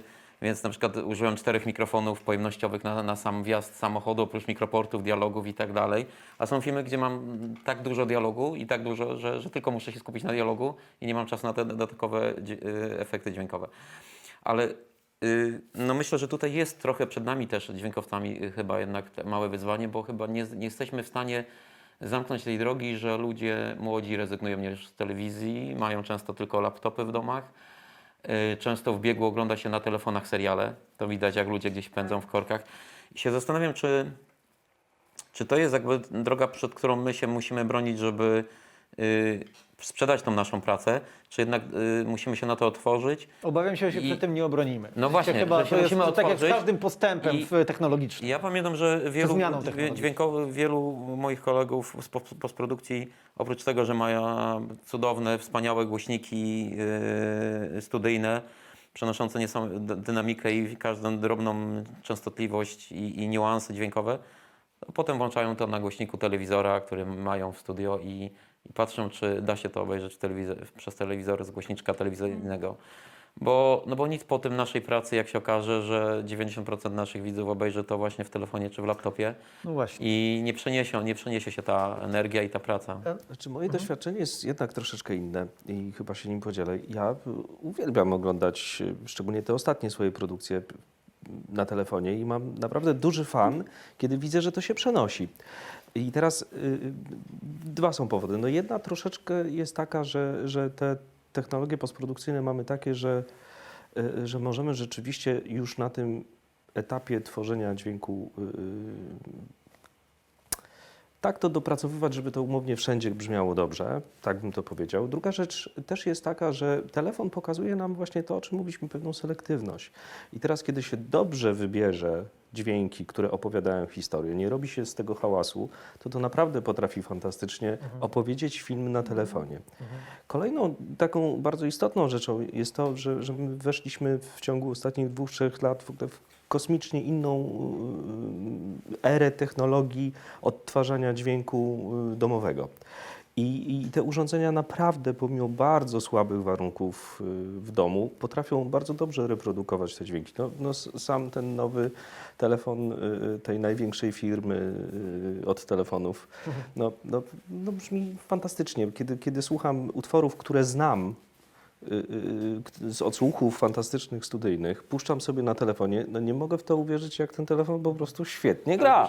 Tak? Znaczy z głośników telef- telefonu. Tak, Tak, ja myślę, I to jest niewiarygodne. To, musimy- to tak poszło do przodu, że... Ale to też, y, ja zastanawiam się, czy też nie jest to troszkę tak, że y, a propos percepcji słuchowej, że jak wiemy, że oglądam z telefonu, to nawet jak ten głośnik nie przetworzy mi tak niskich częstotliwości, to jakby słysząc, ja słyszę bas i jakby mam wrażenie... Ale na tym, na tym bazujemy właśnie też konstruując tą ścieżkę dźwiękową. Tak wybieramy rzeczy, żeby ona była opowiadana przez wszystkie różne kanały, bardzo czasem ubogie, ale w ten sam sposób. Znaczy unikamy rzeczy niepotrzebnych, krótko rzecz mówiąc, które Musimy- powodują hałas. Ja Słuchajcie, musimy powoli kończyć, więc chcę jeszcze jedną Gosia. rzecz tylko powiedzieć. E, przy e, wizualnej części e, naszego świata i nagrywania e, to widać. Być może to już się pojawia też, jeśli chodzi o kwestię ścieżki dźwiękowej. Telefony, smartfony już w tej chwili same za nas e, robią zdjęcia, że tak powiem. W sensie e, e, to tło e, rozmazują, tło znaj- znajdują postać dzięki algorytmowi, dzięki e, wielkiej pracy e, tego komputera, który jest w środku małego telefonu. Kto wie, czy za jakiś czas e, te nasze ścieżki, wasze ścieżki, nad którymi wy będziecie pracować w studiu, potem, kiedy będą przesyłane e, do, do, do odbiorcy, czy one już nie będą dodatkowo automatycznie algorytmem Ale są już robione. To już y, firma właśnie ta, która robi te telefony, zrobiła malutki głośniczek, który, y, no słuchajcie, ja kupiłem, żeby zobaczyć, jak to, jak to co, co to robi z tym dźwiękiem. No nie mogłem uwierzyć, że coś takiego jest w stanie zrobić coś bardzo dobrego. Natomiast jeszcze osta, ostatnia tylko ciekawostka y, a propos tego, jak w zasadzie ta sztuczna inteligencja wkracza w nasz tutaj y, Świat. świat. To dwie rzeczy. Jedna to pomimo tego, że my zajmujemy się dźwiękiem, ale wyobraźcie sobie, świat wideo jest na tyle mocny w stosunku do dźwięku, że takie narzędzie oparte na sztucznej inteligencji do szukania wyrazów w ścieżce dźwiękowej jest tylko i wyłącznie w systemach montażowych wideo, a nie ma ich w systemach montażowych audio, a powinno być dokładnie odwrotnie. I miejmy nadzieję, że, miejmy nadzieję, że do takiego momentu e, dojdziemy. Ja myślę, że, e, myślę, że przed zmianami technologicznymi, postępem technologicznym się, no, trudno się obronić, on po prostu będzie. Natomiast naj- najważniejsze chyba jest to, użyję słowa, którego już Gosia użyła, dywersyfikacja, tak? Żebyśmy nie zatracili też tego doświadczenia kinowego, ale żebyśmy mieli po prostu pewnego rodzaju dywersyfikację e, tego odbioru e, treści audiowizualnej, odbioru treści e, kultury. E, Małgorzata Romanowska, Mariusz Bielecki, Rafał Listopad, Kinga Dębska, Tomasz Dukszta. Dziękuję Wam bardzo za tę rozmowę. Dziękuję Państwu. To była debata audiorefleksje filmowe w ramach projektu Audiowizje Warsztaty Kreacji Audiowizualnej współ- współfinansowanego z środków Miasta Stołecznego Warszawy. Jeszcze tylko przypomnę, że organizatorem projektu jest Stowarzyszenie Filmforum, a nasze wydarzenie patronatem objęli Warszawska Szkoła Filmowa, czasopismo Ekrany, Filmosfera, Presto Filmowe, highfidelity.pl i audiostereo.pl. Bardzo dziękujemy. Ja również dziękuję. Błażej Hrabkowicz. E, Miło mi, że byli Państwo e, z nami e, i do zobaczenia.